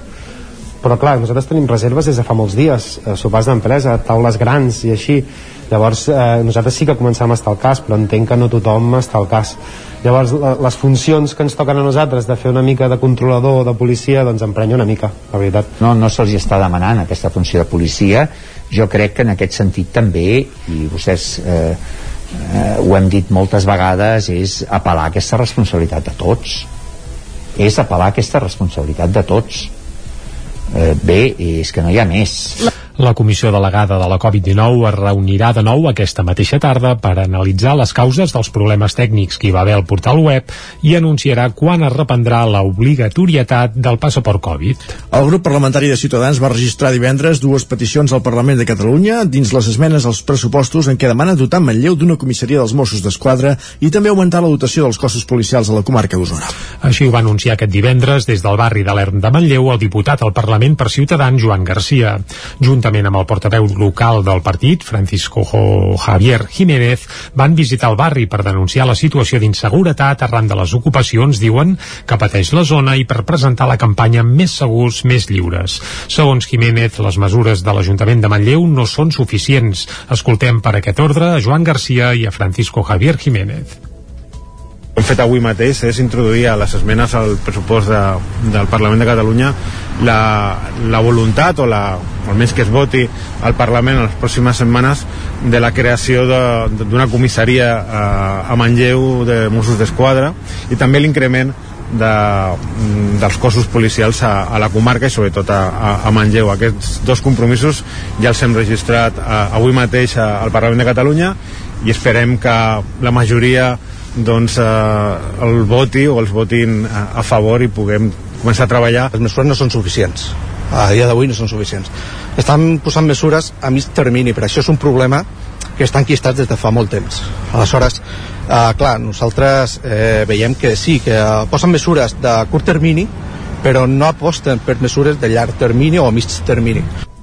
La visita de Ciutadans a Manlleu es va produir en un clima de tensió entre l'Ajuntament i la plataforma ciutadana que reclama més seguretat a la ciutat. Un malestar que es va fer evident el passat 8 de novembre en una concentració multitudinària que es va fer a la plaça Fra Bernadí de Manlleu.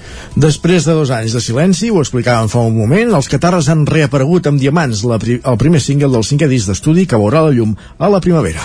L'hem escoltat i es patega prou bé, oi, Isaac? Sí. I tant. Doncs el grup d'Aigua Freda i Centelles reapareixeria en directe a través de les xarxes socials per compartir amb els seus seguidors l'estrena d'aquest videoclip que hem escoltat nosaltres en format eh, cançó, clar, sense videoclip, perquè la ràdio seria complicat, eh? L'escoltem ja de fons de nou. Es tracta de la cançó Diamants, que és l'abans d'un disc que presentaran a la primavera, tot i que encara sense una data prevista, just abans del concert que tornarà a fer pujar els catarres als escenaris París. Aquest concert serà en el marc del Festival Cruïlla el proper 22 d'abril al Sant Jordi Club de Barcelona. La cançó que estem escoltant ara de fons, si pareu bé l'orella, ja notareu que inclou sintetitzadors i noves sonoritats per la banda, que segons avançaven, aquest dijous per Instagram estaran més presents en el nou disc. La cançó és una producció del músic David Rossell, guitarrista també de la banda des de l'última gira, i compta amb les mescles del gurbatà Roger Bosch la llum que em torna a casa I encara a la pàgina cultural, l'autora llinasenca Teresa Sagrera ha presentat a Cardedeu el seu darrer llibre, Cabells de Gebre, una novel·la històrica situada a mitjans del segle XIV. Núria Lázaro, de Ràdio Televisió de Cardedeu. Teresa Sagrera va presentar Cabells de Gebre al Museu Arxiu Tomàs Balvei de Cardedeu, una novel·la històrica situada a mitjans del segle XIV a Catalunya en època de plagues i epidèmies, de regnats convulsos, de guerres per mantenir el poder als territoris italians i de bruixes. Teresa Sagrera, autora del llibre. A Blanca, tot i que al segle XIV encara no estem dins de la cacera de bruixes pròpiament, diguéssim que està germinant la llavor del que seria a partir del segle XV la, la cacera de bruixes, no? A més de la Blanca, que és la protagonista de la novel·la, al llarg de la història ens trobem a la Mel, una lloba qui l'acompanyarà durant una gran part del relat i que acabarà convertint-se en un personatge molt important per la novel·la. El llibre ha estat tot un èxit, fa tres setmanes va ser número 10 en ventes en el rànquing organitzat pels venedors de llibres de tota Catalunya i la Teresa està molt contenta pels resultats obtinguts. Ha sigut tot una sorpresa per ella. Gràcies, Núria, per aquest darrer punt. Acabem aquí aquest repàs informatiu que començàvem a les 10 del matí en companyia d'Isaac Muntades des de la veu de Sant Joan, Caral Campàs des d'Ona Codinenca, Núria Lázaro des de Ràdio Televisió de Cardedeu i Jordi Sunyer des del 9 FM. Tot seguit, moment de conèixer la previsió meteorològica per les properes hores en una jornada que ha començat gèlida.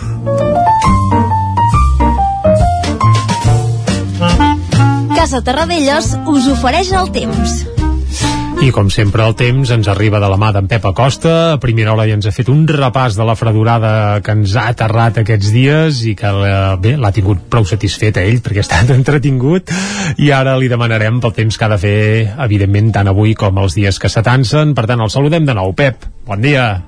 Hola, molt bon dia a tothom. I molt bona hora. Uh, ens llevem, com dèiem, unes temperatures mm -hmm. molt baixes, 14 15 sota 0, cap al el Pirineu, i entre 0 i menys 5 a la majoria de les nostres comarques, a la majoria de les nostres poblacions. Mm, Déu-n'hi-do. Uh, les nevades que encara queden una mica ja restringides, a, sobretot a la part més uh, septentrional de, de, de les comarques, a la part mm -hmm. més nord, les comarques s'aniran acabant, uh, aniran disminuint la nevada, i de cara a la tarda ja les clarianes dominaran Uh, fora del Pirineu, uh, molt més sol durant tot el dia, uh, i les temperatures, uh, gràcies a aquest sol i gràcies a que aquesta injecció d'aire fred es va acabant, aniran recuperant-se una mica el dia d'avui. Ja va bé. No seran tan mm. fredes com dissabte i sobretot com ahir, que ahir va ser un dia... Uh, jo no recordo un dia tan fred, sens dubte, des de fa poder més d'un any, eh? No, no hi ha cap dubte que des de fa més d'un any que no tenim un dia tan fred, sens dubte el més fred de tota aquesta tardor, doncs avui no serà igual, eh? amb aquest sol que farà, amb aquesta entrada menys important al nord, farà que les temperatures pugin una mica, les Millor. màximes entre els 10 i els 15 graus a la majoria de les comarques. I com deia, un dia força tranquil, les clarianes dominaran i les precipitacions que encara cauen dèbilment al Pirineu uh -huh. aniran desapareixent durant el dia d'avui. Moltes gràcies per la vostra atenció A tu. i demà ens escoltarem i com deia serà una setmana eh, no tan intensa meteorològicament parlant com anterior, no tindrem grans pluges, no tindrem cap entrada important de vent de nord. Moltes gràcies, adeu. A tu, bon dia, Pep. Exacte, avui no plourà, Isaac, veus? I sortirà el sol i tot. Veus, he, he fet bé, he deixat el paraigües a casa avui. Ja, no, no, no hi ha problema, em sembla. Doncs va, Molt bé. som-hi, Som-hi. anem per l'entrevista. Anem-hi. Casa Tarradellas us ha ofert aquest espai.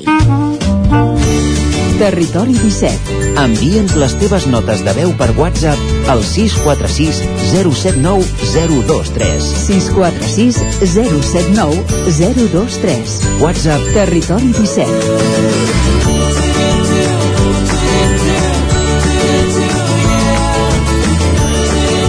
Territori 17. Som a Facebook, Twitter i Instagram amb l'usuari Territori 17.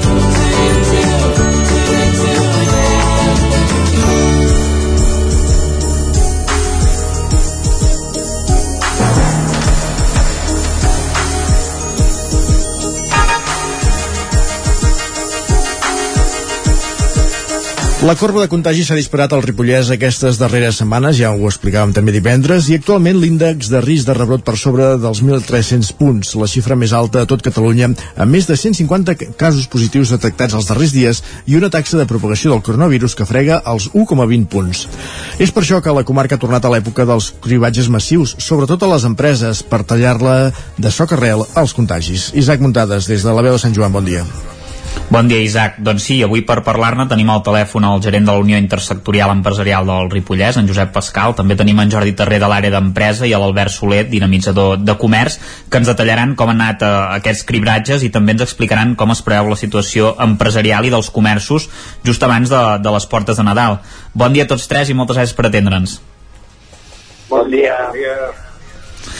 Parlàvem que aquests darrers dies s'han fet cribratges massius a diverses empreses del Ripollès. Aquests testos els ha proporcionat l'UIER, no? Com, com s'han gestionat amb les empreses afectades?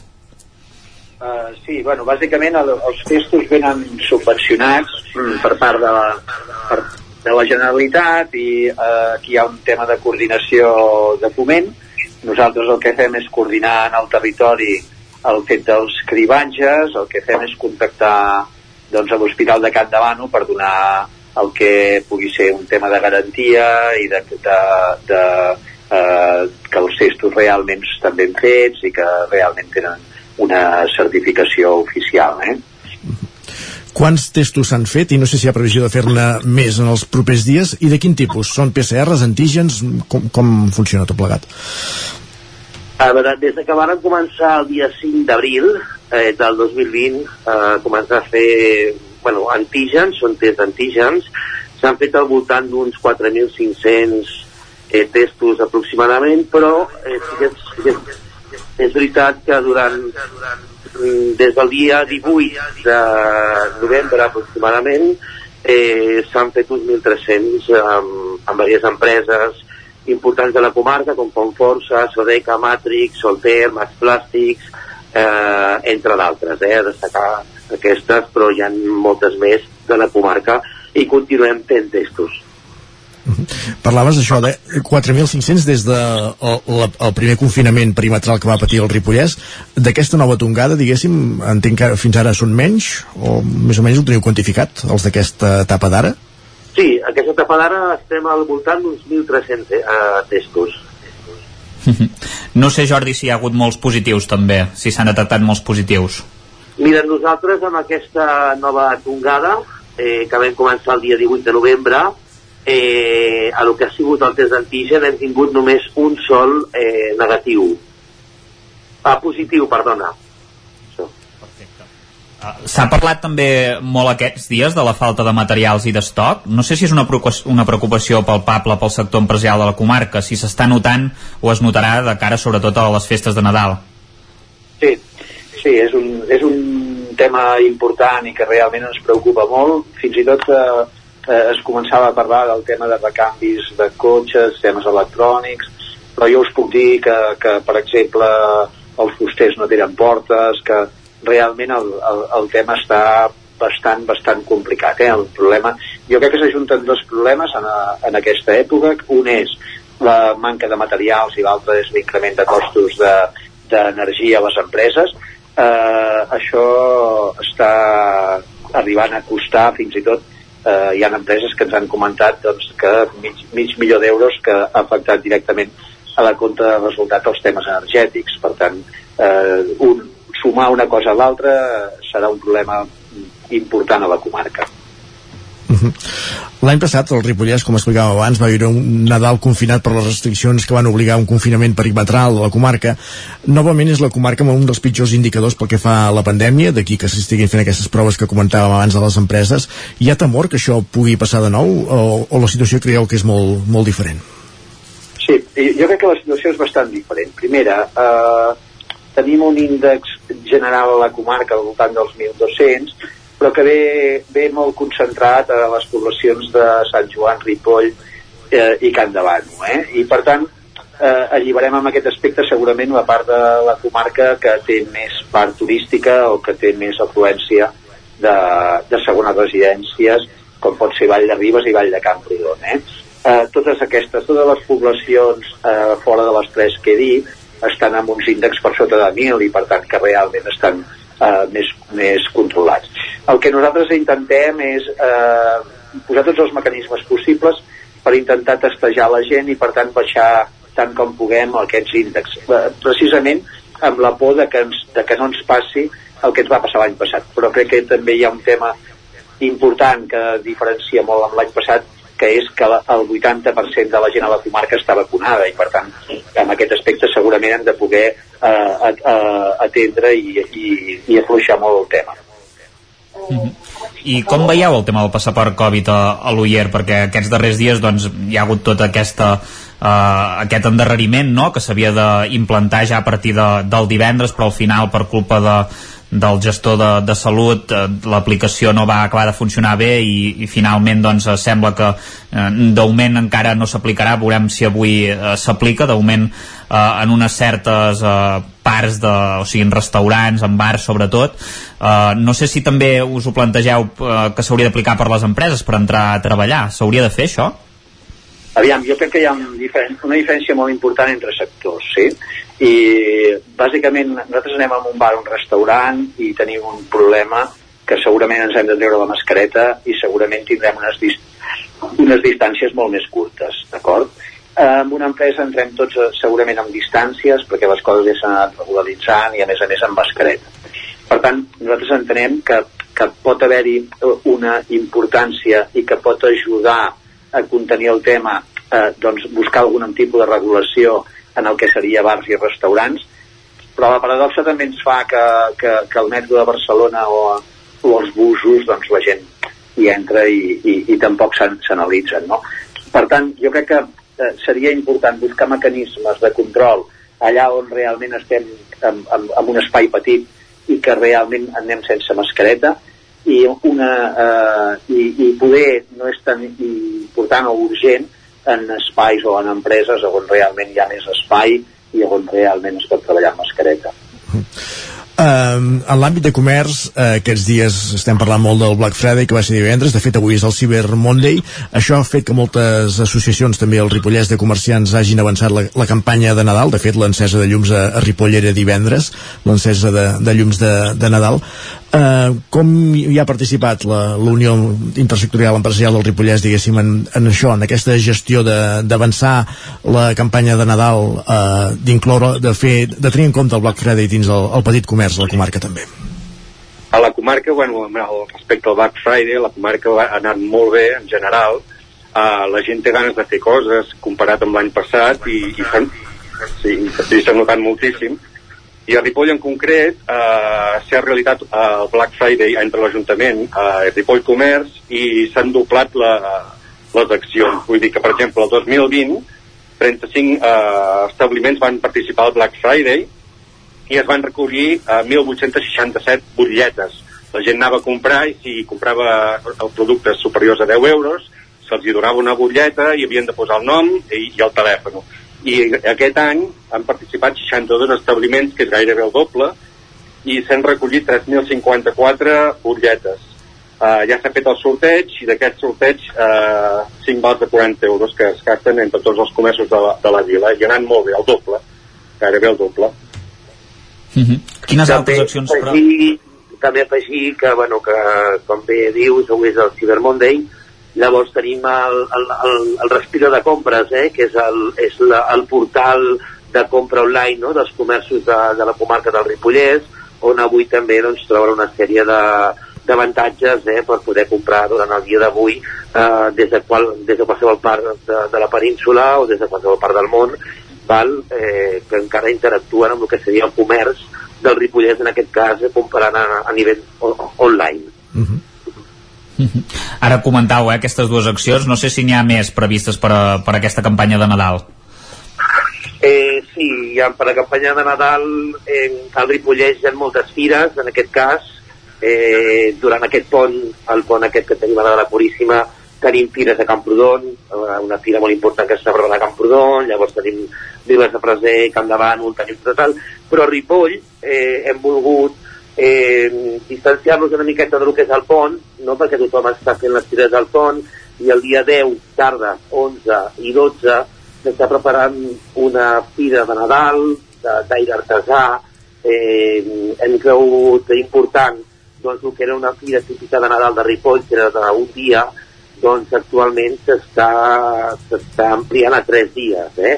Vull dir, tenim, a dia d'avui podem comptar eh, que a la zona del monestir, eh, plaça de l'Ajuntament i a la plaça on hi ha el, el, el museu, eh, s'hi ubicaran prop d'unes 60 parades aproximadament i el pròxim dia, el dia següent, eh, quan el mercat setmanal, que és el dissabte al matí, eh, acabi, doncs eh, part del centre de la població eh, també s'implementaran eh, diferents activitats eh, com un campament reial o diverses sorpreses que eh, durant aquesta setmana anirem, anirem eh, descobrint.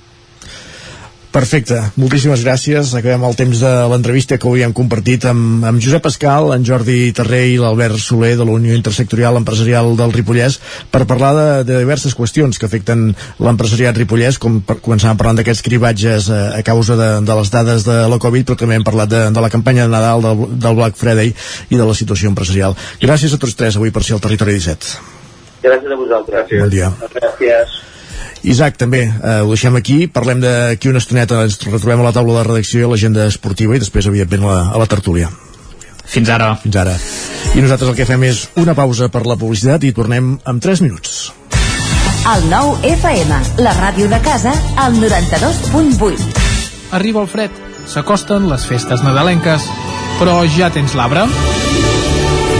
Del 4 al 12 de desembre arriba la quarantena Fira de l'Avet d'Espinelves, una de les fires més singulars de Catalunya. Vine a triar i a comprar el teu arbre de Nadal i gaudeix de l'encant d'Espinelves. Avets, exposicions, mostra d'arts i oficis i moltes més activitats. 40 anys de la Fira de l'Avet d'Espinelves. Rètols 2A. Experts en comunicació visual. Rètols, banderoles, vinils, impressió, plaques gravades, senyalització, displays... Rètols Dos Art. Ja són 25 anys al vostre servei. Ens trobareu a la carretera de Vic a Olot, número 7, al polígon Malloles de Vic. dosartvic.com Telèfon 93 889 2588 Cobertes serveis funeraris. Els nostres tanatoris estan ubicats en els nuclis urbans més poblats de la comarca d'Osona per oferir un millor servei. Tanatori de Vic, Tanatori de Manlleu, Tanatori de Centelles i Tanatori de Roda de Ter. Sabem que són moments difícils i per això el nostre compromís és atendre-us en tot moment amb un tracte humà, sensible i respectuós. Cobertes serveis funeraris. Telèfon 24 hores 93 883 23 46. Perill de glaçades? Per evitar problemes a les instal·lacions d'aigua en cas de glaçades, Aigües Vic recomana que es prenguin les mesures adients, protegint-les amb els materials adequats. Aigües Vic recomana la protecció amb Porexpan o amb altres materials aïllants, però sempre fàcils de posar i treure per facilitar la lectura del comptador. Per a més informació truqueu al 93 885 2500 o entreu a aigüesvic.com. Saps què és el confort intel·ligent? És tenir un terra radiant Giacomini a casa. Benestar que no es veu, però es nota tot l'any. I que pots controlar a distància des del teu mòbil, estalviant energia i diners. Suma't al confort intel·ligent amb Giacomini. Informa't a giacomini.es o truca al 93 884 1001 i t'ajudarem a tenir un terra radiant a casa o a l'oficina. Giacomini, la climatització que et mereixes. Cocodril Club. Si t'agrada la bona música dels anys 60, 70 i 80, escolta el 9 FM els matins de dissabtes i diumenges d'11 a 1. És el temps del Cocodril Club, tot un clàssic de la ràdio, amb les bases del pop-rock, les llegendes, les cançons que s'han convertit en autèntics himnes. Recorda, dissabtes i diumenges al matí, d'11 a 1, al 9 FM 92.8. Cocodril Club, el programa revival de l'Albert Malla. Hasta luego, cocodrilo. El nou FM, el nou FM, el nou FM. Ara mateix, al territori 17 són dos quarts d'onze.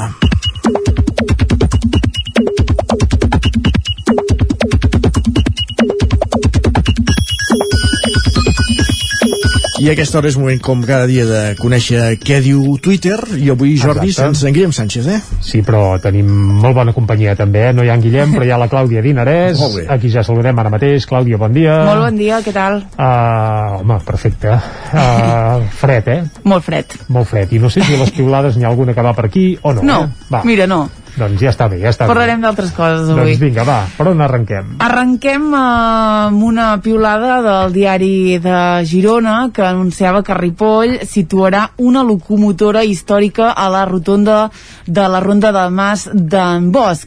Uh, una notícia que l'Arnau Comajoan, que si Mhm. el seguiu a Twitter uh, sabreu que és un fanàtic de la mobilitat i podríem dir sobretot, pràcticament sí, un expert, eh? Mhm. I l'Arnau comentava precisament aquesta notícia i deia posar-la a una rotonda és el millor que es pot fer amb aquesta loco- locomotora que sembla que encara funciona? Bé, no ho sé, però aquí Territori 17 sé que l'Isaac Muntades ens n'ha parlat algun dia Sí. d'aquesta locomotora i ja tenen clar que sí, sí, que va parar en una rotonda. De fet, són dues, una va a Sant Joan i l'altra a Ripoll, em És sembla. veritat, sí, sí, sí, a Sant Joan també en volen una, per tant, una a Sant Joan i una a Ripoll. Doncs mira, doble mala notícia per l'Arnau. Um, seguim endavant, anem a una piulada d'en Jordi Vilarrodà, periodista del 9-9, que ahir va anar en aquest acte d'homenatge d'Antoni Coromina que es feia a l'Atlàntida de Vic, i deia 3 hores d'emocions, testimonis, música i humor recordant Toni Coromina en el primer aniversari de la seva mort. Un homenatge pendent a l'agitador cultural, periodista, escriptor i amic de tanta gent. Era crític amb Vic perquè l'estimava. Doncs bé, uh, una, una piulada que fa referència a aquest acte d'ahir, seguim endavant, uh, perquè a Twitter ja ha esclatat uh, el típic debat de quan s'encenen els llums de Nadal. Uf, etern. S'ha de fer o no s'ha de fer? Com s'ha de fer? Doncs va, aquí hi ha opinions per tots els gustos.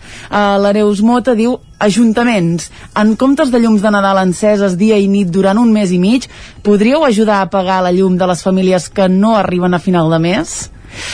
En fi, uh, hi ha un usuari que no està d'acord amb el que diu la Neus i diu els llums de Nadal atrauen compradors pel comerç local i el roben a Amazon. Comerç que genera feina gràcies a la qual molta gent es pot pagar la llum i que, i que paga impostos aquí i no a un paradís fiscal que permeten pagar en cas de necessitat la llum d'algunes famílies. Buf, és que és complicat. Com eh, ho veieu? plegat. Jo de- deixa'm afegir que amb el tema calendari abans els llums eh, s'encenien quan arribava l'Advent. El que passa que la gent ja no sap ni gaire Clar, el és eh? Black Friday. Ara van Black clar, Friday, Clar, sí. clar, clar, i això aviat ja els encendrem per la Diada Nacional. Però vaja, temps al temps. Molt bé, i uh, sense canviar gaire de tema, uh, he trobat una piulada que em va, anava molt bé amb aquest debat, uh, de la Jenny Gran, que és una biguetana il·lustre sobretot a Twitter, que deia, ja podeu venir a Vic a fer-vos la foto més maca per la felicitació de Nadal i a fer força gasto. Per tant, entenem que la, Que l'arbre de la la plaça Major Gran ja va, eh? està a favor una mica de, de que sí, eh, que els ajuntaments gastin una mica amb llums de Nadal. Un any podrien canviar els colors, no?, de, Ah, sí. dels llums de l'arbre, perquè Això aquest sí. blau ja comença a cansar, no? O no? Això sí. O és que és per estalviar. Si els haguessin de canviar cada any, s'haurien de comprar llums nous. I Entesos. clar, són els mateixos que els van posant cada any, ja està. Bé, Ja. bé. No sé, no sé compte contra gustos Exacte. I bé, acabem amb una piulada en Jordi Pei de Lluçanès, perquè no sé si ho sabeu, però divendres era Black Friday, però Ah, avui sí? és Cyber Monday. ah, què és avui? Sí. Cyber Monday. ara, pla, això ja se m'escapa Avui has de comprar tecnologia, representa. Ah. En fi, que en Jordi Pei diu el 2005 els americans van descobrir que el dilluns després del Black Friday, per tant avui, avui, és quan més venen per internet i van crear el Cyber Monday. Alerta. A Cal Siller de Prats de Lluçanès ja fa 64 anys que celebren el Paret Day i sense fer tant de soroll. Per molts anys, Pere Vila. I en Pere Vila contesta i diu, sí noi, amb un flam casolà i les corresponents espelmes, generalment ja n'hi havia prou.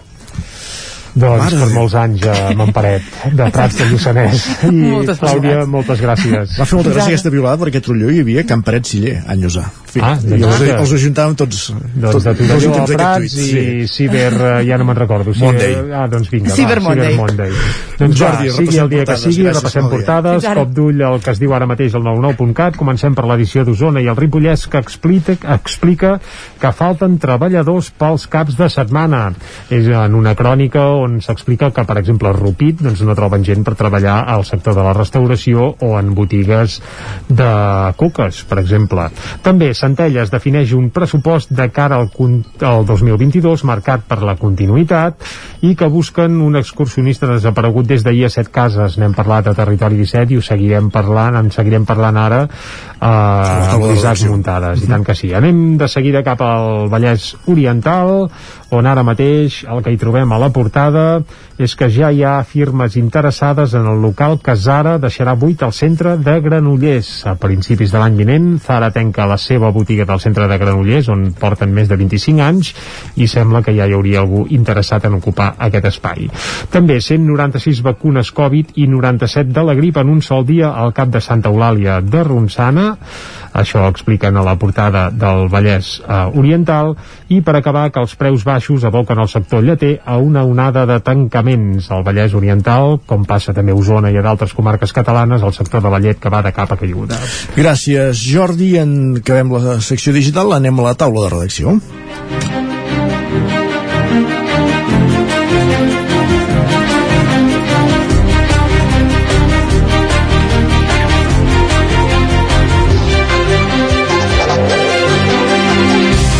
I a la taula de redacció avui ens hi esperen, com dèiem, l'Isaac Muntades i també en Guillem Freixa per parlar de, de dues notícies de l'àmbit de successos del cap de setmana i és que, com dèiem a l'inici del programa, ha estat un cap de setmana atacat per, per la tragèdia a Osona. Divendres a la nit, eh, dilluns, dissabte al matí ens llevàvem aquesta trista notícia de la mort d'un jove la nit abans, la nit de divendres, que havia caigut accidentalment des del castell de Tona. Guillem Freixa, bon dia.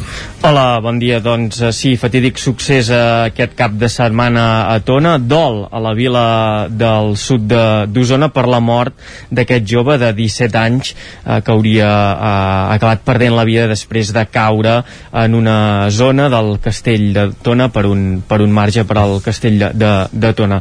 Els vols de les 11 de la nit és quan es va rebre eh, l'avís que hi havia un noi que, com dèiem això, havia caigut per un barranc d'uns eh, 20 metres, havia quedat en una zona eh, de difícil accés, els primers crits d'ajuda dels eh, companys que, que estaven allà a la zona no responia, eh, com dèiem això, eh, es va fer aquesta trucada d'emergències, els primers en arribar-hi van ser la policia local de Tona, i tot indica que el jove de 17 anys eh, hauria pujat fins a pràcticament a dalt al cim del castell de Tona, s'haurien assegut amb un altre amic en una pedra, en la vessant que queda just per sobre del Parc de les Feixetes, on es veu eh, a sota tot el, el poble de, de Tona, i hauria sigut en el moment de marxar en què una patinada, una relliscada eh, va fer caure aquest eh, jove per un barranc d'uns 20 metres, com dèiem l'acompanyant va fer uns primers crits d'alerta eh, cridant en el seu amic, no va obtenir resposta. Es va dirigir cap al Parc de les Feixetes on sabia que hi havia eh, més, més joves, més, més persones. Van donar la veu d'alerta.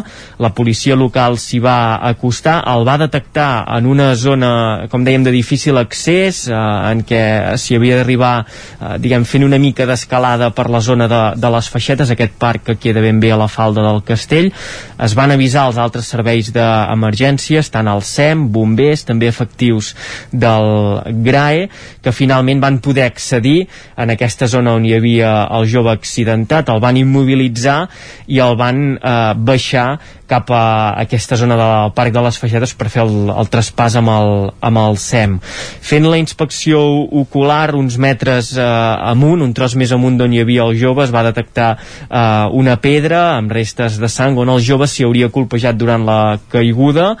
Um, el jove va ser traslladat a l'hospital en vida i va ser eh, posteriorment quan va acabar eh, morint. Com dèiem, eh, fatídic eh, succés aquest eh, cap de setmana a l'Ajuntament de Tona que al matí mateix va decidir eh, declarar eh, dos dies de dol oficial, tant el 28 com el 29 de novembre, per tant avui també ens trobem en aquest segon dia de dol oficial, un Ajuntament de Tona, un municipi tonenc que es troba aquests dies en plena festa major de Sant Andreu, la festa major històrica del municipi i per tant tant ahir com avui s'han suspès en senyal de respecte, en senyal de dol els actes d'aquesta festa major.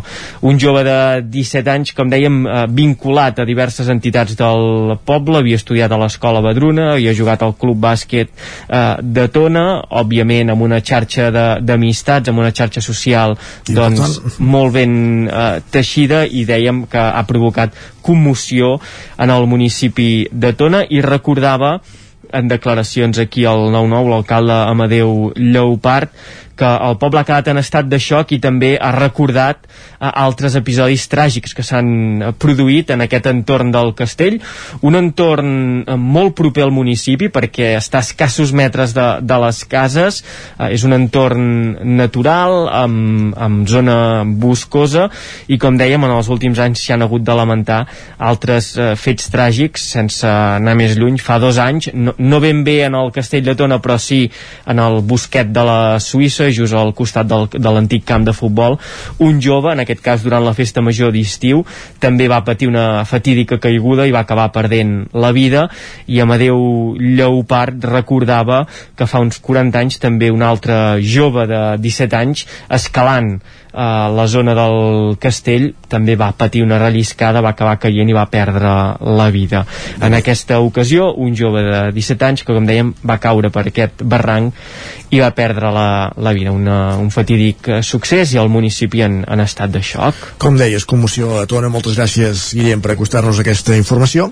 I anem cap al Ripollès, perquè també en condicions climàtiques adverses ara mateix hi ha un dispositiu de bombers i Mossos d'Esquadra treballant a la zona del coll de la Marrana, proper a Vallter 2000, a la recerca d'un excursionista, un experimentat excursionista de Camprodon, desaparegut des d'ahir. De fet, la seva família va alertar de la seva desaparició eh, havent dinat un cop van, adonar, van veure que no, que no tornava a dinar Isaac muntades. Sí, exacte. Bon dia, Isaac. Doncs sí, es tracta d'una persona de, de 47 anys, un home que estaria desaparegut, com bé comentaves, segurament des d'ahir al matí quan va sortir a fer aquesta excursió i, evidentment, en el moment que no va avisar eh, que no aniria a dinar, eh, que no es va produir doncs, aquest avís, doncs la família va quedar alertada i es va eh, començar aquesta recerca que immediatament doncs, a partir de les eh, aproximadament entre les 4 i les 6 de la tarda va començar aquesta recerca que s'ha eh, extès doncs, fins a la matinada i que s'ha reprès doncs, aquest matí també amb, amb la incorporació eh, dels Mossos d'Esquadra. Hi ha hagut dues dotacions que han estat treballant durant tota la nit per veure si podien trobar aquesta persona, però com comentaves hi havia moltes adversitats climàtiques eh, és una nit en, doncs, on, que hi, hi havia neu, eh, hi havia torb també, eh, que és molt perillós perquè pràcticament no tens visibilitat eh, quan hi ha això i les condicions eh, climàtiques de, de fred i de temperatura doncs, són molt extremes no? pràcticament eh, ens trobàvem en, en, en uns eh, 12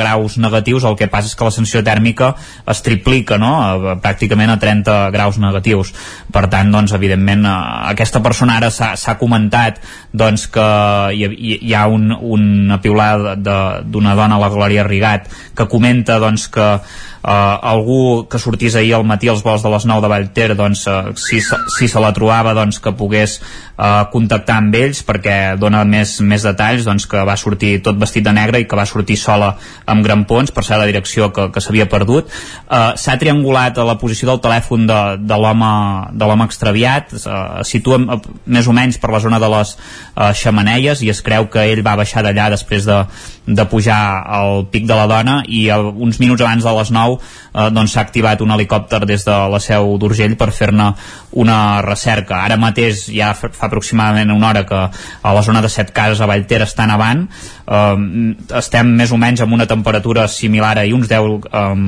uns 10 graus sota zero amb una sensació tèrmic, tèrmica bastant més baixa i participen uns 40 efectius en aquesta recerca uh, també entre famílies, amics i, i muntanyencs de la vall de Camprodon però des de bombers també uh, es, es demana que no s'accedeixi a la zona doncs, per evitar més extraviats o, o accidents i, i bé, eh, el temps ara mateix a set cases realment eh, és dolent eh, cinc efectius del GRAE de muntanya doncs inspeccionen la zona on hi va haver-hi una llau i també els Mossos com us comentava s'han incorporat a l'operatiu també això que comentava ja la recerca aèria veurem si eh, doncs acaba tinguent això un bon final tot i que evidentment doncs, eh, aquesta persona porta més de 24 hores desapareguda mm -hmm. perquè va, teòricament va marxar eh, ahir al matí per tant ha passat la nit al, al ras i, i evidentment doncs, no, no pinta bé la cosa però hem de ser positius i pensar que, que el puguin trobar. Tenir en compte que es tracta d'una persona experimentada doncs sempre Exacte. pots pensar que sap què fer a la muntanya. Recordem el fenomen aquest de, del tor per situar-nos és el fenomen que, amb el que es van trobar per exemple les persones que van patir els fets de, del Balandrau i que quedava molt ben recreat en el documental que es va estrenar ara fa pocs mesos sobre aquest incident. Doncs és la mateixa zona és el mateix fenomen el que s'hauria trobat aquest veí de Camprodon ahir que, el qual busquen ara eh, continuen buscant els efectius de, de recerca a la zona de, com dèiem, del coll de la Marrana de Vallter 2000. Sí, sí, uh... Digues, digues. No, no, no, això que comentaves, eh, que el torp és aquest fenomen que, que l'any 2000 es van trobar al Balandrau i és, i és això, eh, una polseguera de tempesta que, que aixeca la, la neu i pràcticament impedeix doncs, tenir visibilitat a, a, ni a un metre, eh? vull dir que eh, també no només eh, pots acabar morint per hipotèrmia o, o, o per algun d'aquests símptomes, sinó que el que provoca és que a vegades no vegis on trepitges i puguis baixar a, avall en una canal, vull dir que és, és, és doblement perillós el torp, sí. Gràcies, Isaac, per aquesta última hora, doncs. Parlem d'aquí una estona I avancem en el territori 17 després de la taula de redacció. Anem a conèixer l'actualitat esportiva, saber què han fet els equips del territori 17 durant la jornada del cap de setmana.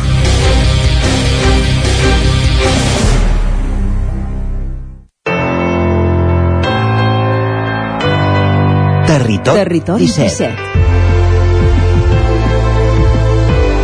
Territori 17.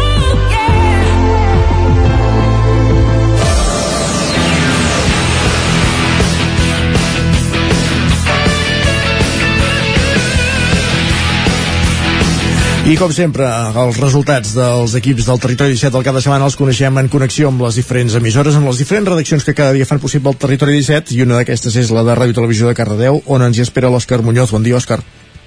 Bon dia. Com ha anat doncs, això? Pregunta de rigor i, i resposta força bé, molt bé, així m'agrada. Força bé, sí. Comencem doncs. amb el, amb el primer equip, que aquest cap de setmana doncs, eh, ha guanyat contra el Torelló, recordem que jugaven a Torelló, eh, per una victòria per 0 a 4. Carai. Eh, Sí, sí, fora, fora de pronòstic, doncs el Cardedeu va fer el primer gol al, al final de la primera part, al minut 44, i després doncs, els altres tres gols arribarien mitjan sí, la segona part. En aquest cas, el Torelló doncs, perd una posició de la cinquena baixa a la sisena i el Cardedeu es manté a la setena posició d'aquesta segona catalana. Ara ens anem al mal filial, a la tercera catalana, també va guanyar eh, per dos gols a zero contra el Vilamajor. En aquest cas el Cardedeu aquí ho tenia millor i doncs eh, així ho va demostrar, tot i que el Vilamajor doncs, es va avançar eh, a, al marcador fent un gol en, en contra, en pròpia. Eh, llavors doncs, el primer gol del partit va ser del Vilamajor eh, en pròpia i després el Cardedeu doncs, remataria el partit al minut 89 doncs, per fer aquest 0 2 a 0, perdoneu. Eh, actualment el, el filial doncs, passa de la setena a la quarta posició i el Vilamajor doncs, que perd una i està ara mateix a la catorzena posició d'aquesta tercera eh, catalana hoquei també tenim situat el, el Llinars del Vallès, que també va guanyar aquest cap de setmana. Uh -huh. Portem un 0 de 3, un 3 de 0, Molt bé. diguem. Sí, a sobre el Llinars jugava contra els segons classificats, que era el Montornès Nord, així que eh, una victòria bastant eh, lluitada per l'equip llinasenc, que al minut 73 arribaria el seu gol, i doncs ara mateix eh, escala posicions de la dotzena a la novena posició d'aquesta tercera. I ara acabem amb el futbol, amb l'Esport Club, que cada, cada cap de setmana ens porta una nova. Aquest cap de setmana, doncs, eh, ha perdut. Oh, eh, anava massa bé, 1-0 eh? contra... Sí, sí, anaven 1-0 contra el Vilafranca. Molt bé. En aquest, eh, el Vilafranca va fer un gol així d'hora, al minut 15, i doncs l'Esport Club no va poder remuntar. Anem per l'embol. Anem per l'embol. I comencem per la dura derrota de l'equip femení del Cardedeu. Eh, va- jugava contra les primeres classificades, l'associació Lleidatana, i bueno, van perdre per 17 gols a 38. Actualment doncs, les cardedeuenques es queden a aquesta setena posició, eh, la penúltima, no és l'última de la Lliga, doncs, però estan aquí, aquí d'aquesta Lliga catalana sènior femenina. I on sí tenim victòria és en l'embol masculí, tant el Cardedeu, que aquest cap de setmana victòria molt important, eh, el sènior eh, masculí, jugava contra la Salle i Bonanova, els primers classificats de la Lliga sènior catalana, i el Cardedeu, doncs, que eren setens, ningú s'ho esperava, doncs al final el partit va quedar per 32 a 31, per un golet eh, va guanyar aquí el Cardedeu, eh, victòria important a casa.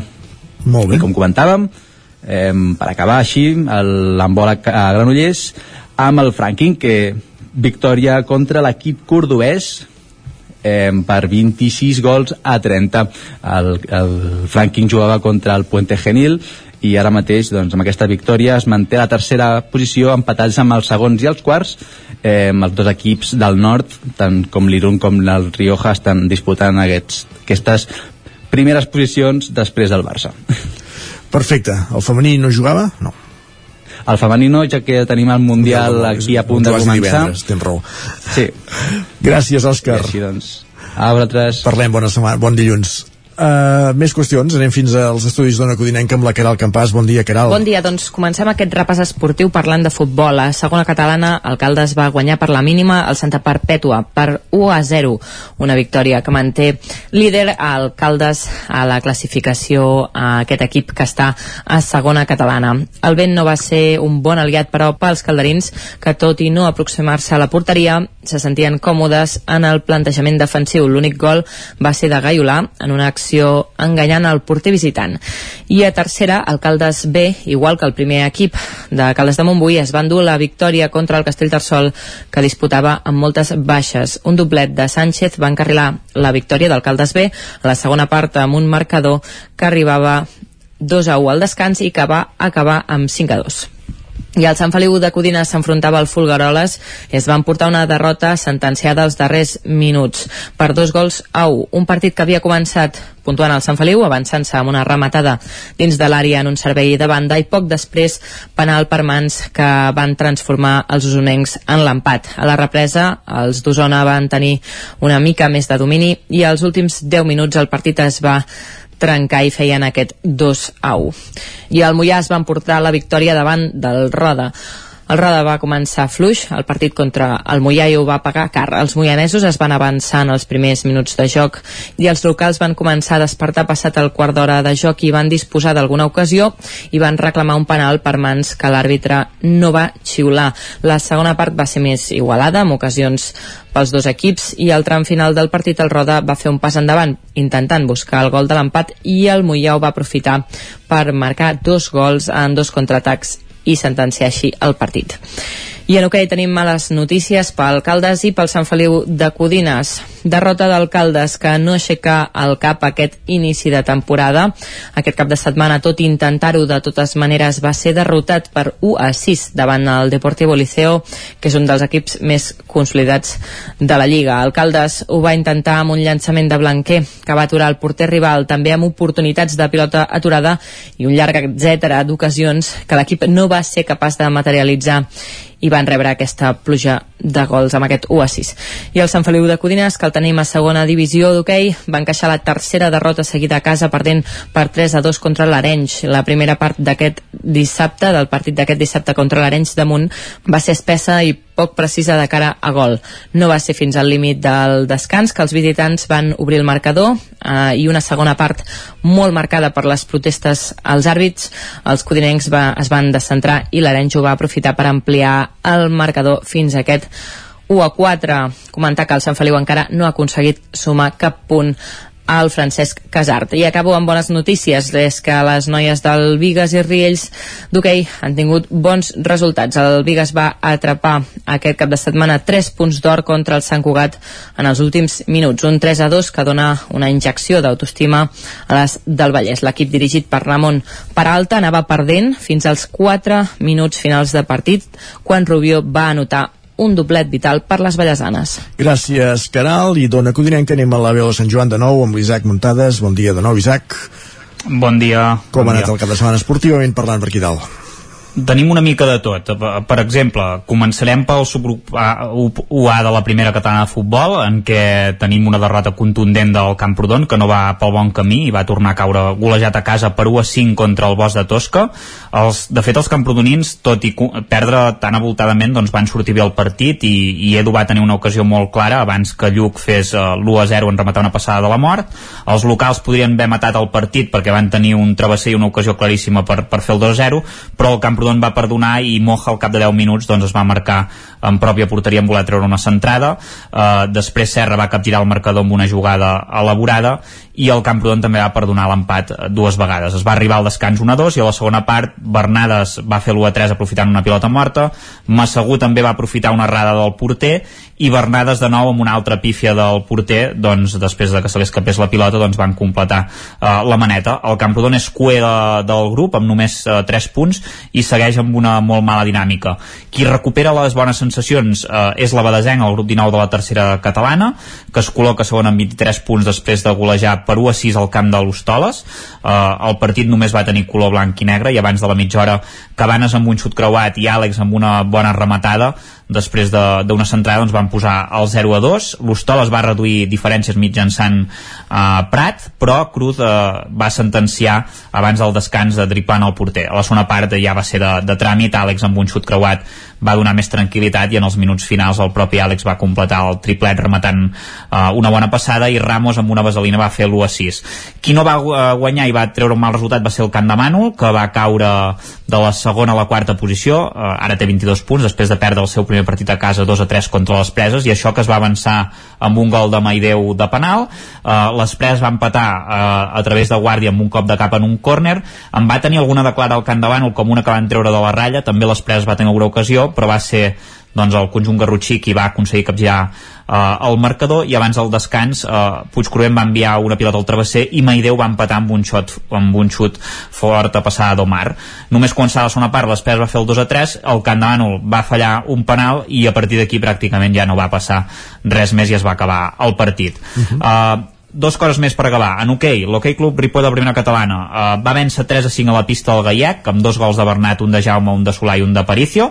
Van ser molt superiors als ripollesos a la primera part, tot i començar perdent per 1 a 0. Uh, al descans uh, van aconseguir capgirar el marcador i s'hi va anar 1 a 3, i a la segona part uh, doncs uh, s'ha de dir que el Gaiac va aconseguir empatar a 3 però el Ripoll en l'últim minut va fer dos gols, el segon en aprofitar un contraatac i ara mateix eh, és tercer la classificació amb 16 punts i cada cop està més a prop de la segona fase per l'ascens. I en futbol sala per acabar la primera catalana l'escola de futbol sala Ripoll Servicat va treure un meritori empat a 4 de la pista de l'Energi Van Vigues Futbol Sala que és el segon classificat però que no permet sortir els ripollesos de, de la zona baixa, són avant penúltims amb només eh, dos punts i els dos equips que tenen per sota doncs eh, tenen dos partits menys el, el, destaca el triplet de Serrador bàsicament en, el, en el partit però és un partit que va tenir el Ripoll eh, dominat bastant, bastant estona i al final doncs, eh, els hi van empatant als últims minuts. Però bé, ja és algo sumar un punt, feia dies que estaven en una dinàmica sí. fatal, eh? Dinàmica molt fatal. Gràcies, Isaac. Parlem després de la tertúlia. Vagi bé. Fins ara. I acabem aquesta roda esportiva als estudis del 9FM a Vic amb l'Ester Rovira, parlant dels equips usonencs. Bon dia, Ester. Bon dia. En un cap de setmana de derbis. Marcat exactament uh, per derbis en, en tots els esports en les principals categories en què hi ha equips usonencs. De fet, si et sembla, comencem per un d'aquests derbis, el de l'hoquei Lliga Femenina entre el Martinelli a Manlleu i el Voltregà Motor, uh -huh. que es va disputar dissabte a la tarda a, a Manlleu. Un partit on les locals van dominar més moments de, del partit, però tot i així van patir fins al final davant el, el Voltregà per acabar guanyant per 3 uh, a 2 uh, bàsicament perquè doncs, uh, per, per concessions eh, uh, defensives doncs van, van deixar que, que les uh, de Sant Hipòlit disposessin de fins a tres faltes directes de les quals en van transformar dues i per tant el marcador va, va, acabar, sent, va acabar sent ajustat. Però tot i així doncs victòria per al Manlleu que es manté al capdavant de la, de la classificació de l'hoquei Lliga Femenina empatat a 12 punts amb el Vilassana i l'Igualada que són els tres equips que colideren la classificació mentre que el Voltregà és desè amb només 3 punts sumats fins ara. En el cas de l'hoquei Lliga dir que aquest cap de setmana tornava a la competició després d'un mes d'absència a causa de l'aturada per la disputa de, de l'europeu i que el retorn va ser nefast pels ai, dos ai. conjunts usonencs perquè tots dos eh, van eh, acumular una derrota ahir en el cas del Voltregà a casa contra el Girona per 2 eh, a 5 eh, en un partit doncs, on tenien baixes importants això sí, la de uh, Lino, uh, Lino a la porteria i la d'Arnau uh, en aquest cas per lesió i la d'Arnau Canal per sanció uh, però bé, en tot cas l'equip l'equip va començar perdent, va acabar empatant a, a, el partit a dos, però a la segona part els gironins van acabar fent forat a la porteria que defensava ahir Miquel Estrada i van acabar guanyant per, per 2 a 5. I el Martinelli a Manlleu per la seva banda visitava una pista complicada, eh, com, és la, com és la del Reus, tot i que bé, aquesta temporada de moment el Reus no està sent el Reus d'altres temporades. Eh, dominaven per 1 a 3 fins a 9 minuts pel final, Ai. però van acabar perdent per 4 a 3 perquè els reusencs eh, van remuntar el partit en només 5 minuts, en van tenir prou amb 5 minuts per, per remuntar i acabar guanyant eh, el partit. D'aquesta manera, doncs, els malleuens que són setens amb 10 punts i el Voltregà de, uh, 11, perdó, amb, amb 7 en aquestes alçades de la competició quan ja s'han jugat 9 jornades de, de l'hoquei Lliga. A l'hoquei Lliga Plata eh, el, Matlle eh, el Taradell perdó, es retrobava amb la victòria eh, dissabte a casa contra el Vilanova eh, també havent de capgirar l'electrònic perquè anaven perdent i van acabar guanyant per 4-2 mentre que el Patí Vic va remuntar un partit boig contra el Sant Just, que perdia per 0-3 i va acabar igualant-lo eh, a 4 gols, de manera que ara els dos equips usonencs són a la zona mitja de, de la taula.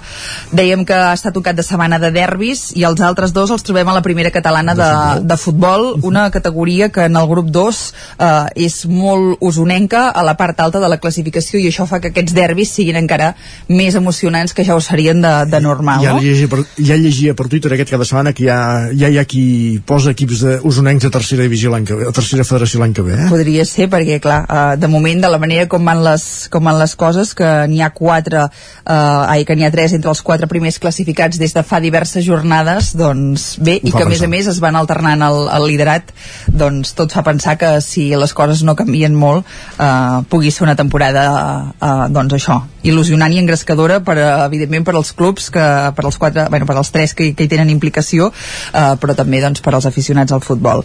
En el primer eh, d'aquests eh, partits de, del cap de setmana s'enfrontaven el Tona i el, i el Vic i el partit se'l van emportar els biguetans eh, per 2 eh, a 3 eh, que, que havien perdonat a la primera part de cada porteria però després a la, a la segona doncs, van poder guanyar i el Manlleu eh, rebia ahir a la tarda a casa el Vic Riu primer eh, en un partit doncs, eh, amb, amb dos equips que, que sí que, que hi ha més diferència eh, entre ells a la, a la classificació. Els, eh, tot i així els de Santa Eulàlia es van avançar al marcador però els de Manel Sala van capgirar-lo amb dos gols de Roquet, un de Solà i un de Pius i van acabar guanyant per 4-1 de manera que el Manlleu és el nou líder d'aquest grup amb 19 punts, seguit del Vic que en té dos menys, 17 el tercer és el Sant Feliuenc amb 16 que són els mateixos que té el Tona que és el quart classificat, per tant com dèiem eh, molt interès i molta igualtat en aquesta primera catalana. Eh, dir també que la primera divisió nacional femenina el Vic Riu primer va tornar a guanyar aquest cap de setmana trencant la dinàmica negativa que portava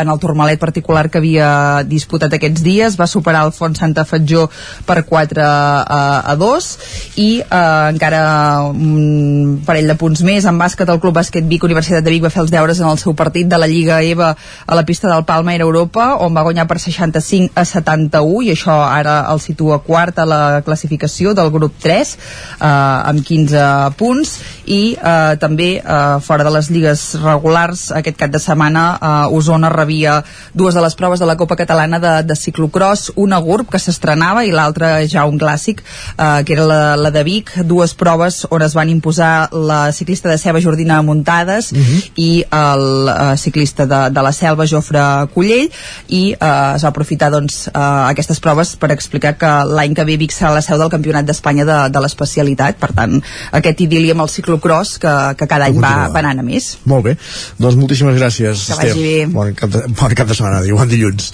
Uh, acabem aquí el repàs esportiu, anem a posar-nos al dia en l'actualitat al Territori 17.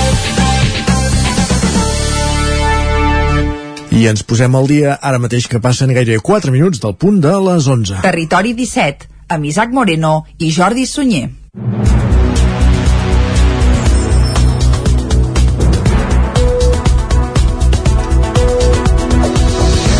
I a aquesta hora els explicam que un jove de 17 anys va morir la nit de divendres en caure per un barranc de 20 metres al castell de Tona.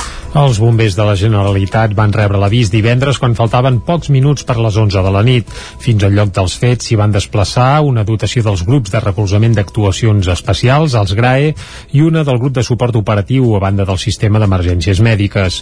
Un cop els bombers van tenir-lo immobilitzat, el jove va ser carregat en una llitera i extret del barranc amb una instal·lació de cordes. El SEM el va traslladar a l'hospital on va acabar morint. Dissabte al migdia, a les 12, davant de l'Ajuntament de Tona, s'hi va fer un minut de silenci per transmetre el condol a la família i als amics de la víctima. Hi van ser l'alcalde de Tona, Amadeu Lleupart, i la primera tinent d'alcalde, Judit Cerdà. Avui és un dia molt trist per a Tona. És un dia molt trist perquè eh, aquesta desgràcia, un, un noi jove, és, és, és que no la voldríem haver de gestionar eh, que cap dia de l'any ni cap dia de la vida.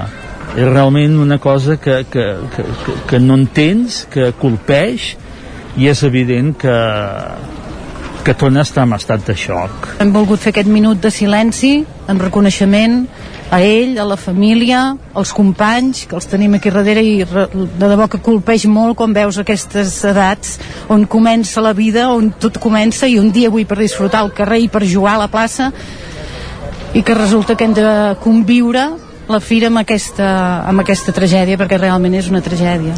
Els missatges de condol han estat constants al llarg del cap de setmana a les xarxes socials. Més qüestions. L'Albert de la ruta del ferro de Sant Joan de les Abadesses continua tancat i segurament ja no obrirà aquest 2021. Isaac Muntades, des de la veu de Sant Joan.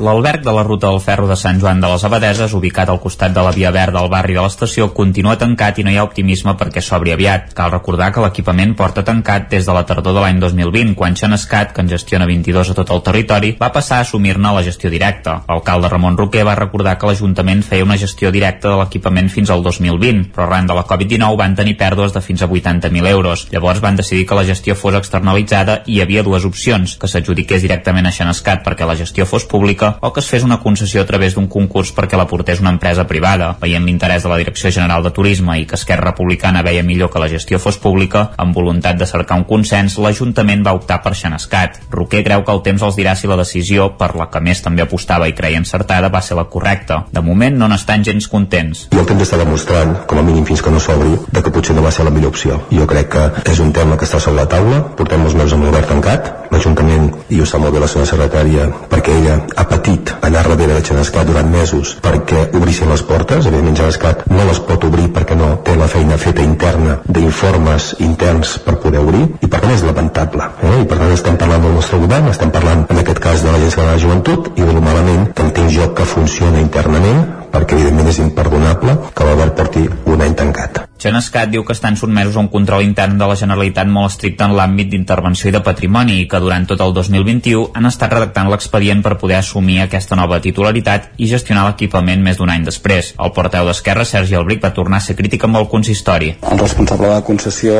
és qui és, és l'Ajuntament. No s'entén sota cap concepte que l'alberg estigui tancat, que especialment estigués tancat per mesos d'estiu, amb el perjudici que això té a nivell local, a nivell econòmic, evidentment, eh, l'absurditat, potser el propi govern ha errat, però és evident que aquí hi ha dues parts i les dues parts no han estat a l'alçada perquè l'Albert està tancat i per tant eh, això a ulls de la població no s'aguanta de cap manera. Jo... L'edil republicà va demanar que es deixessin de passar la pilota els uns als altres i que lamenten que segurament tampoc estarà obert per la temporada d'esquí. Roquer sí que va donar una bona notícia i és que es preveu que Xenescat faci una inversió per construir uns lavabos públics al parc de l'estació, una proposta que havia fet el ple passat Esquerra en una moció per evitar que la gent de i urini en aquella zona. Després d'una dècada pràcticament aparcat, la Cambra d'Osona està decidida a recuperar el projecte d'un parc tecnològic a la comarca. Així ho anunciava dijous el seu president, Pere Ententes, en el marc del Dia de la Cambra, que va tornar a reunir empresaris de la comarca a l'edifici del Sucre de Vic. També hi va ser present Mònica Roca, presidenta de la Cambra de Comerç de Barcelona, que es va encarregar de lliurar, per exemple, el Premi a la Dona Empresària, que va ser per, Mercè, per Mercè Girbau, presidenta del grup Girbau. La formatgeria Mas Algaret de Tona va recollir el premi que la cambra concedeix a la categoria d'empresa alimentària. Marta Calvo i Jordi Baringas, de JCM Group, van fer-ho en matèria de tecnologia i el periodista Miquel Macià, fundador de Nació Digital, va recollir el premi a la trajectòria empresarial. Més qüestions. Castellterçol busca l'origen de la festa de l'Escudella, presentant aquest cap de setmana els resultats d'un estudi històric. Caral Campàs, des d'Ona Codinenca. Castellterçol ha presentat aquest cap de setmana els resultats de l'estudi històric de la Festa de l'Escudella. La Festa de l'Escudella de Castellterçol és una de les més antigues. Tradicionalment s'ha dit que es va començar a celebrar al segle XVII. Ara un estudi històric ha buscat una font documental que datés l'inici d'aquesta festa popular. Miquel Catot, cap de la colla dels escudellers de Castellterçol, explica com va començar aquest projecte de memòria històrica perquè ens volem inscriure al catàleg Patrimoni Festiu de Catalunya. I no hi estàvem inscrits.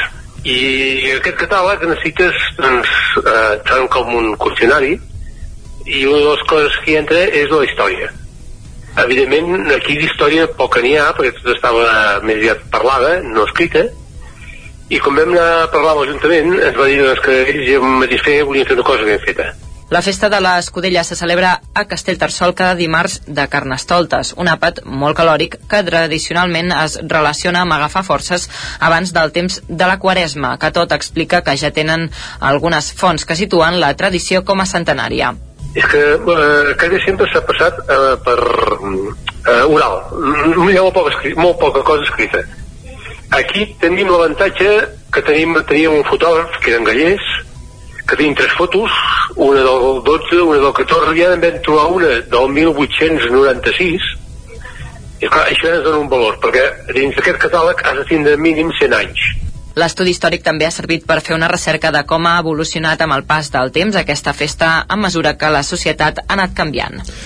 Gràcies i anem cap a Cardedeu perquè més de 350 persones els, van participar al 54è homenatge a la bellesa de Canovelles. S'ha realitzat en format d'esmorzar popular amb música en directe. Núria Lázaro, com dèiem des de Ràdio Televisió de Cardedeu. Enguany s'ha pogut tornar a celebrar l'homenatge a la bellesa de Canovelles, un dels actes més emblemàtics dedicats a les persones majors de 65 anys i que l'any passat es va haver d'anul·lar a causa de la pandèmia. Aquest 2021 l'acte s'ha adaptat a les circumstàncies i s'ha realitzat en format d'esmorzar popular amb música en directe. Un total de 360 persones han participat de l'esmorzar popular que s'ha celebrat al pavelló Tagamanent i que ha comptat amb l'acompanyament musical d'Adrià Aguilar Aguilera. L'objectiu d'aquest acte, segons l'Ajuntament, ha estat agrair a la feina que han fet i que continuen fent totes les persones grans de Canovelles i que durant la pandèmia i els confinaments han tornat a ser essencials per a moltes famílies. La recuperació de l'homenatge a la bellesa consolida la represa d'algunes de les activitats més antigues i preuades de Canovelles, segons el consistori. Cal destacar que l'acte s'ha organitzat en col·laboració amb algunes entitats del tercer sector, com la Fundació Vallès Oriental Oriental, encarregada del càtering, o l'empresa d'inserció social Dimas, encarregada del muntatge de l'esdeveniment. Gràcies, Núria. Quedem aquí aquest repàs informatiu que començàvem a les 11 i pocs minuts en companyia també de la Caral Campàs, de l'Isaac Muntades i d'en Jordi Sunyer. Moment d'anar cap als solidaris, com cada setmana des de Ràdio Vic amb l'Eloi Puigferrer.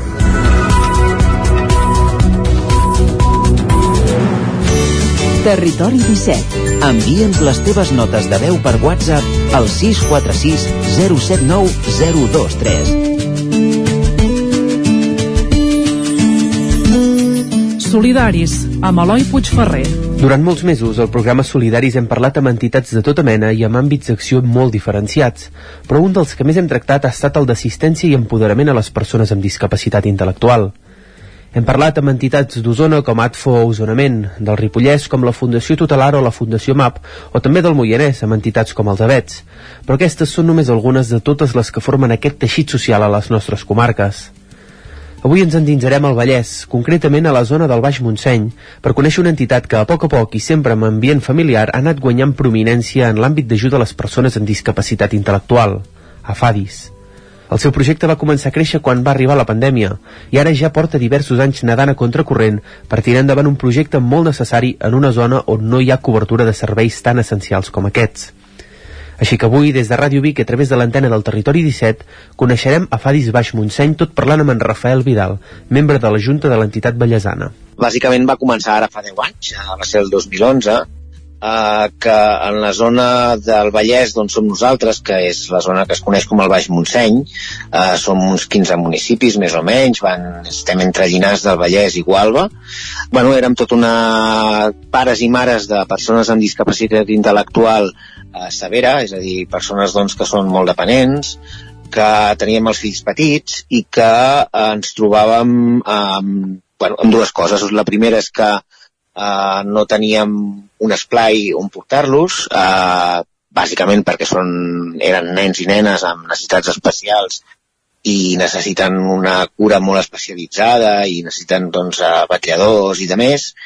Uh, I per altra banda també els, els pares i mares necessitàvem el que se'n diu uh, un respir, és a dir, uh, són, són, són nois i noies, o en aquell moment eren nens i nenes doncs, que requerien d'una atenció uh, molt intensa i de tant en tant doncs, necessitem descansar una mica. Uh, I per altra banda ens vam trobar també, com deia, uh, que el que són casals, casals d'estiu, el clàssic casal, doncs que quan els, els nens i les nenes acaben l'escola durant el mes de juliol, eh, els pares i mares seguim treballant i bueno, hem de buscar algun lloc on es puguin, doncs, eh, ja no només perquè no tinguem la capacitat doncs, de prestar-los la, la cura que necessiten a casa, sinó perquè també doncs, ells s'han de socialitzar i evidentment doncs, han de poder tenir un espai de lleure com té qualsevol altre nen i nena, no? Doncs eh, no teníem casals i vam dir, doncs, bueno, doncs el muntem nosaltres. Amb la qual doncs, vam néixer precisament d'aquesta necessitat de, de moltes famílies i d'aquesta voluntat doncs, de que els nostres fills i filles poguessin tenir eh, bueno, doncs, eh, tant el que seria esplais de caps de setmana com a casals d'estiu en època ja fora del, de l'àmbit escolar. Els inicis van estar molt relacionats amb l'àmbit del lleure, però davant d'unes necessitats que no han parat de créixer, Afadis va haver de fer el pas i va haver d'anar cap a un àmbit més professional a través d'un centre de teràpia ocupacional. A veure, Afadis ha evolucionat moltíssim. És a dir, si bé en aquell moment, eh, quan vam començar, doncs pensàvem només en, en, en un esplai, no? en voluntariat, és veritat que al llarg dels anys doncs, ens hem anat trobant que bueno, teníem noves necessitats, no? Um, I, de fet, uh, una de les més recents va ser ara fa dos anys, perquè, esclar, han passat 10 anys, uh, la majoria dels nens i nenes d'aleshores ja no són nens i nenes, són persones uh, adolescents o adultes, que eh, quan surten de l'escola d'educació especial eh, requereixen eh, per la seva discapacitat intel·lectual, pel seu perfil, requereixen d'un servei que es coneix com un servei de teràpia ocupacional, que és el que se'n diu més, eh, diguem-ne, més eh, popularment un centre ocupacional. Llavors eh, resulta doncs, que a la nostra zona eh, no n'hi ha cap, és a dir, que els que tenim més propers doncs, estan molt lluny i això suposa desplaçaments diaris a, doncs, a, a, a poblacions que no estan dins del Baix Montseny. Um, a més a més, uh, en moltes d'aquests centres ocupacionals que van els nois i noies d'aquest tipus a, a, quan, quan acaben l'escola d'educació especial, uh, tenen llistes d'espera, no? I vam dir, doncs, bueno, doncs ara que ja estem muntats com una associació que fem activitats de lleure, doncs fem-ne una de més professional, eh, que sigui un centre ocupacional per poder integrar eh, aquests, els nostres fills. No? I això ho vam fer. I la veritat és que ara doncs, eh, tenim un bon equip de professionals, tenim un centre doncs, que, que és més gran, que és més potent i que dona servei no només de lleure, no només d'esplai pels més petits, els caps de setmana i de més, sinó que també doncs, dona entre setmana, de dilluns a divendres, aquest servei de teràpia ocupacional. La seva trentena d'usuaris i usuàries, però, conformen un grup molt heterogeni, fet que obliga l'entitat a dur a terme un tracte personalitzat amb tots i cada un d'ells. Aquest, però, ja és el seu tarannà. Nosaltres particularment tenim un grup molt heterogeni perquè eh, hi ha persones que tenen un perfil que no seria ni tan sols de, de servei de teràpia ocupacional, seria de residència, el que se'n diu CAE, un centre d'atenció especialitzada, eh, però que igualment nosaltres, doncs, les famílies, tampoc n'hi ha cap a proper i a més a més és, també ja dic que hi ha llistes d'espera arreu de Catalunya eh, tot i així nosaltres quan ens ve alguna família en aquests casos doncs eh, la integrem, és a dir, creiem doncs, que som un centre obert i que, i que malgrat aquell perfil no sigui, diguem-ne, el que encaixi en el nostre, en el nostre, en el nostre servei, doncs evidentment doncs, li donem cabuda. Què vol dir això? Això vol dir que eh, fem activitats segurament molt més a nivell de fisioteràpia, a nivell d'activitats de tipus sensorial i de més que van més adreçades a aquest, a aquest col·lectiu, però també és cert doncs, que tenim persones eh, relativament autònomes, és a dir, eh, persones doncs, que eh, tot i que no tenen la possibilitat ni, ni tampoc diguem-ne el perfil per poder accedir al mercat laboral, treballar i de més, sinó que per, per això estan en un centre ocupacional, sí que és cert doncs, que se'ls poden donar moltes eines eh, per eh, formar-se, per millorar les seves aptituds i sobretot doncs, per eh, viure en comunitat amb, bueno, amb, una, amb una qualitat de vida eh, molt més eh, elevada de la, que, de la que en aquests moments tenen, és a dir, que, que en aquest sentit doncs, els donem aquestes eines i, i intentem doncs, que, que puguin no només en l'àmbit del, del centre, sinó en l'àmbit de la comunitat, de l'entorn, en l'àmbit eh, sociocultural, en l'àmbit fins i tot d'empreses eh, privades i de més doncs, que puguin tenir algun tipus de relació. No? I és que en termes generals, totes les entitats com a Faris estan vivint un canvi de paradigma que passa per la metodologia que aplica l'entitat ballesana buscar un camí de millora per als seus usuaris fent-los programa mida per cada un d'ells. El que és cert és que sempre necessitaran, diguem-ne, un suport extern, perquè són persones dependents, és a dir, això no, no ens enganyem. Uh, si ells tenen una vida independent en un pis, doncs uh, requeriran doncs, molt, molt probablement d'algú que els ajudi a fer el sopar. Ara bé, Uh, no és el mateix uh, fer una residència, que no és casa teva, sinó que d'alguna manera t'estan uh, donant una atenció assistencial molt concreta en un centre, uh, diguem-ne, molt gran, amb molta gent, que dir, no, no, jo estic vivint a casa meva amb tres o quatre persones, no?, que compartim pis, i que aquells que ens donen suport són persones especialitzades, són treballadors, treballadores que estan uh, lligats a una entitat concreta, que venen, em donen el suport necessari i se'n van, però no és casa seva. O sigui, allò és casa meva, no? Això per una banda. Llavors, tot això és un procés que, que, que, que ja et dic que s'està donant arreu, eh? um, de lo que en coneixem com desinstitucionalització. És a dir, de que, de que no depenguem d'institucions concretes, sinó de que tinguem la llibertat de viure, o ells tinguin, i elles tinguin la llibertat de viure com, com vulguin, no? un dels grans reptes, i això ho veiem els pares, no? que, tenim, que tenim fills i filles amb aquesta situació, un dels grans reptes que tenim és que és aquesta normalització, és que quan jo vaig amb la meva filla en algun lloc, eh, no els hi sembli estrany els del meu entorn, no? Eh, vegin la meva filla que té una paràlisi cerebral i que té tota una sèrie de necessitats, que la vegin de la mateixa manera que poden veure qualsevol altre fill o filla. És a dir, i que s'hi sàpiguen relacionar eh, d'una forma absolutament normalitzada i que pensin que perquè estigui en una cadira de rodes i tingui dificultats de, de moure's no vol dir que no tingui la capacitat cognitiva per entendre l'entorn o per comunicar-se. Uh, I això eh, són coses que segurament uh, s'han de començar a treballar des de que, des de que la, la resta de la població uh, són petits, no? van a l'escola, és a dir, el fet de començar a treballar amb escoles, amb instituts de secundària i de més, de que també hi ha aquest col·lectiu, de que aquest col·lectiu també s'ha de normalitzar, de que aquest col·lectiu també ha de formar part de les nostres vides, no només de les vides de les famílies, sinó de les vides de tothom, de qualsevol altra persona, doncs això comença, jo crec, eh, des de l'educació primària i, i, continu i continuant per l'educació secundària. No? Aquesta normalització i la feina que fan a través del Centre de Teràpia Ocupacional és un dels pals de paller de l'entitat del Baix Montseny, però no és ni de tros l'única cosa que fan. Ara el servei principal és el de, el de teràpia ocupacional, però també és cert doncs, que el donem d'una forma molt més integral, és a dir, um, no només ens basem amb el que seria el mínimament eh, necessari eh, per tenir un centre d'aquestes característiques, sinó que també doncs, afegim eh, serveis paral·lels eh, o complementaris. No? Tenim un servei de fisioteràpia, eh, que sobretot va adreçat a aquelles persones doncs, eh, que tenen més necessitats a nivell físic, eh, tenim un servei diguem-ne d'acompanyament eh, psicològic a les famílies, Uh, tenim un servei de transport perquè som una... la zona del Baix Montseny és una zona que tot i tenir poblacions relativament importants uh, hi ha molta distància a vegades entre aquestes poblacions i, i evidentment doncs, uh, tot i que tenim la seu a Santa Maria Palau Tordera doncs venen uh, nois i noies de Vallgorguina, de Gualba, de Llinars del Vallès, de Sant Esteve, és a dir, venen de diferents poblacions i tenim aquest servei de transport. I bé, i, i en funció de les necessitats doncs, que van sortint de, de les famílies, doncs ens anem adaptant i anem creixent com, com podem, no? El procés per arribar fins on són ara, però, no ha estat ni de tros senzill, ja que el creixement de Fadis ha topat directament amb la pandèmia.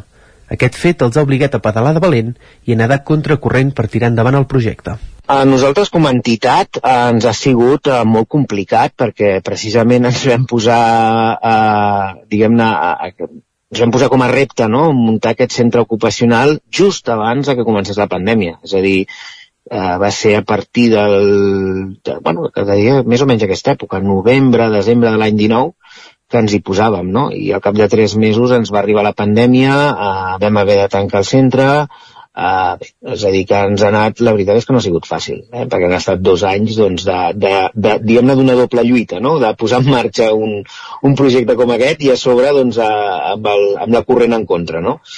Bé, ara doncs la veritat és que després d'aquests dos anys eh, eh, ens estem estabilitzant. Eh, la veritat és que l'esforç ha estat immens per part de tothom, tant per part de, de les persones treballadores com per part dels, de les famílies, les administracions, eh, sobretot les administracions locals ens han ajudat moltíssim. I, i, i, bueno, i ara estem en aquest, en aquest en aquesta situació no? de, de certa estabilitat, la pandèmia continua, eh, hem de prendre evidentment mesures com, com en qualsevol altre lloc i, i bé, aquesta és la, la realitat en la que ens trobem ara. El creixement i el futur de Fadis, però, té un camí ben marcat reclamar encara més places concertades per als seus usuaris i fer la transició cap a un centre més gran i més ben dotat. Tenim dues necessitats, eh, eh, diguem-ne, molt importants ara. Una d'elles és que tenim, eh, nosaltres eh, hem aconseguit, després ja dic, de picar molta pedra, que la Generalitat doncs, ens proveís de, de places concertades, és a dir, són places places públiques en el sentit doncs, de que tot i que el centre, com qualsevol d'aquests centres és privat, doncs rebem per, en aquest cas un concret nostre, els rebem per 10, 10 usuaris, eh, rebem doncs una prestació, no? Ara bé, en tenim molts més. I aquests altres més doncs no tenen aquesta prestació i això doncs vol dir que les famílies doncs han de posar-hi de la seva butxaca i, i, i a veure el cost eh, diguem-ne, d'atenció d'una persona doncs, amb discapacitat intel·lectual és un cost molt elevat. Llavors, eh, el meu primer gran desig és que poguéssim eh, tenir a aquestes places, aquestes places concertades per part de la Generalitat. És a dir, hi ha, hi ha un, molta més demanda que l'oferta que hi ha en aquests moments. És a dir, hi ha llistes d'espera de molt llargues. Uh, estem parlant, almenys de les reconegudes, estem parlant de més de mil persones arreu de Catalunya, és a dir, que tenen aquesta, aquesta situació i aquesta problemàtica i no poden entrar en un centre. L'augment de necessitats ha portat a Fadis a agafar un rol prominent a la zona del Baix Montseny, on ja s'ha erigit com un referent i com una entitat totalment necessària a la zona. I és que malgrat que els hi ha tocat viure com a tantes altres entitats una pandèmia que els ha obligat a pedalar de valent per tirar endavant un projecte tan important com un centre de teràpia ocupacional, la bona feina sempre té recompensa i aquesta és la gratitud de tots els seus usuaris i, sobretot, el reconeixement i el creixement que estan vivint dia rere dia. Gràcies, Eloi Puigferrer, una setmana més pels solidaris eh, aquesta setmana dedicat a la FADIS, al Baix Montseny. Arribem a la pausa, 3 minuts i tornarem amb l'R3 i amb la tertúlia esportiva a la recta final del Territori 17 d'aquest dilluns. El nou FM, la ràdio de casa, al 92.8. El racó de León. Gaudeix de la nostra terrassa. Vine a tastar les xuletilles de l'Echal a la brasa amb una bona amanida o el xuletón de vedella gallega. No et pots perdre el nostre lechado de Castilla al forn o el cochinillo a l'estil de Segovia. Tot acompanyat del millor celler, al menjador o fora la terrassa. Descobreix la millor cuina de Lleó sense moure't de casa. Vine amb la família, els amics, la parella o sol. T'encantarà. El racó de León, cuina tradicional lleonesa i de mercat. Som al carrer Torelló número 35 de Vic. Per reserves, telèfon 93 889 1950. El racó de León, una cuina diferent. Som especialistes en cargols a la llauna. Vine a tastar-los al racó de León. Saps què és el confort intel·ligent? És tenir un terra radiant Giacomini a casa. Benestar que no es veu, però es nota tot l'any. I que pots controlar a distància des del teu mòbil, estalviant energia i diners. Suma't al confort intel·ligent amb Giacomini. Informa't a giacomini.es o truca al 93 884 1001 i t'ajudarem a tenir un terra radiant a casa o a l'oficina. Giacomini, la climatització que et mereixes.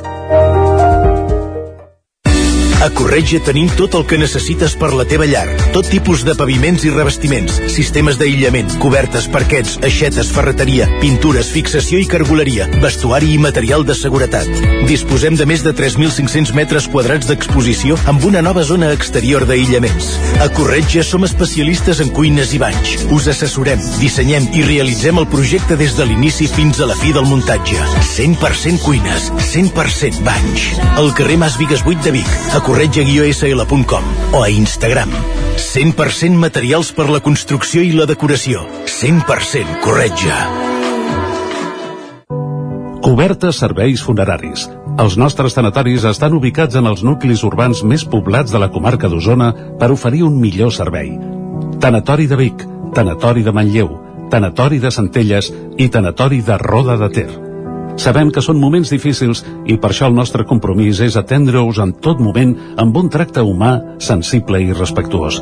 Cobertes serveis funeraris. Telèfon 24 hores 93 883 23 46. El nou FM, la ràdio de casa, al 92.8. Anuncia't al 9FM. La màquina de casa. 9 3 8 8 9 4 9 4 9. Publicitat arroba al 9FM.cat. Anuncia't al 9FM. La publicitat més eficaç. El nou FM, el nou FM, el nou FM, el nou FM, el nou FM. Territori 17. A Tren d'Alba. Cada dia els usuaris de la línia R3 de Rodalies que veuen sortir el sol des d'un vagó ens expliquen les gràcies i les penes del primer comboi que uneix Ripoll i Barcelona. Benvinguts a Tren d'Alba. Avui us explicaré que Renfe ha adjudicat per més de 4 milions d'euros les obres de millora de l'accessibilitat a l'estació de Mollet Sant Fost, uns treballs que permetran adequar les instal·lacions a les necessitats dels més de 10.000 viatgers que diàriament, abans de la Covid, lògicament, utilitzaven aquesta estació. Les actuacions s'han adjudicat a UT Benjumea i MIG Grues, i les actuacions han d'estar acabades en 16 mesos, l'abril del 2023. Cal recordar que la retirada unilateral de Comsa S.A. per realitzar les actuacions adjudicades al seu moment va obligar a fer un nou projecte per a aquesta estació. Està previst que l'actuació inclogui la construcció d'un pas inferior amb ascensors amb dues andanes, un recrescut de les andanes i prolongació fins a 200 metres, el que possibilitarà l'accés al tren des de l'andana, la substitució de la il·luminació existent a les andanes i la urbanització dels accessos i la instal·lació de noves marquesines que cobreixin l'accés als ascensors i a les escales. Dimarts us n'explico la resta. Va, ens retrobem demà amb més històries del tren i de la R3. Territori 17. El 9 FM, la veu de Sant Joan, Ona Codinenca, Ràdio Cardedeu, Territori 17.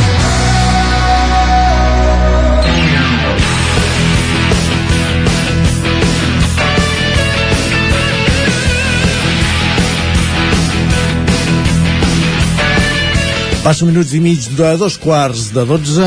L'Isaac Montades té moltes ganes de tertúlia de xerrar, per això ens ha fet aquesta càpsula de l'R3 avui tan breu i tan curta i ja els tenim a punt a l'estudi al costat també de Lluís de Planell i d'en Guillem Freixa. Bon dia a tots tres. Bon dia. Bon dia, bon dia. Uh, tens ganes de xerrar avui, Isaac, eh? No, és que avui no tenia cronista, eh? Més que res, per això era més, era més curtet. No, però sí, sí, tinc moltes ganes de xerrar, home, evidentment. Molt bé, molt Clar, bé, així s'agrada. Sí, sí. Uh, Villarreal 1, Barça 3, Espanyol 1, Real Societat 0, Madrid 2, Sevilla 1. Comencem parlant de la jornada del cap de setmana que és més recent i després si tenim temps ja passarem pe, pels partits de Champions del, de dimarts i dimecres de la setmana passada. Uh, què? Comencem pel Barça. 3, 1 a 3 al camp del Villarreal. Per fi trenquem el malefici de, de guanyar fora de casa però eh, en un partit en què tothom coincideix que no va ser precisament el millor partit del Barça aquesta temporada. I la segona ajuda arbitral eh, en seguida Sí, salvar el soldado Barça s'està confirmant, eh? però sí, què, què havia de fer, Piqué, tallar-se el braç o com ho havia de fer això? no, no, no, no, doncs no posar-lo senzillament clar, sí, no. és que clar li va la mà no tocar la pilota amb la mà no. vull dir que està claríssim no? Aviam, uh, és evident que un cop uh, revisat i remirat la jugada uh, li toca la mà ara. No, no, no, no mirar i remirat li toca la mà. Bueno, sí, es, va veure, es va veure de seguida que tocava hi ha, hi ha, o sigui, ara mateix tenim instruments per remirar i revisar les jugades. És clar, si el bar decideix que no hi ha voluntarietat que no pot fer desaparèixer la mà doncs no sé, el Barça doncs, tampoc pot. doncs que vigi l'àrbit i mira la jugada que és el senyor que Home, té la màxima responsabilitat sí. que se la miri, que té un, una pantalleta allà i la pot veure i llavors si tots dos opinen el mateix doncs eh, els equivocats serem nosaltres.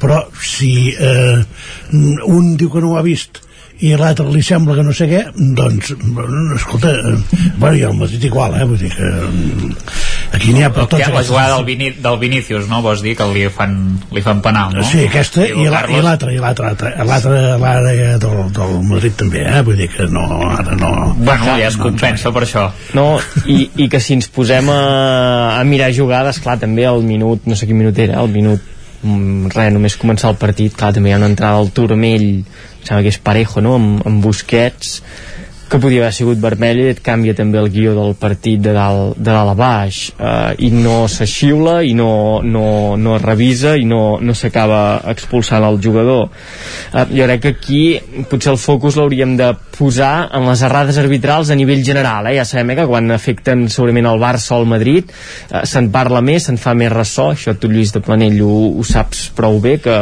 que les jugades que passen amb aquests equips tenen més ressò però aquí tenim un problema d'errades arbitrals a, a tor i a dret perquè hi ha moltes d'errades arbitrals cada setmana i en aquesta ocasió doncs van haver-hi aquestes mans de Piqué i va haver també la possible expulsió de Parejo que no es va fer i llavors el partit va transcórrer doncs d'una manera en què això, eh, el Barça segurament no va fer el seu millor partit um, es van veient cosetes, es van veient canvis. Memphis uh, agafa responsabilitat que també és important, a mi de Jong també em va, em va agradar, em va agradar força. I es va guanyar el partit, que era el més important ara mateix. Ara mateix és sumar de 3 en 3, que els jugadors vagin agafant confiança i poder eh, doncs anar tirant endavant aquesta temporada que serà molt i molt, molt i molt complicada i on la Lliga um, que es farà llarga. No sé si dir que es farà llarga però uh, són molts punts de la zona capdavantera.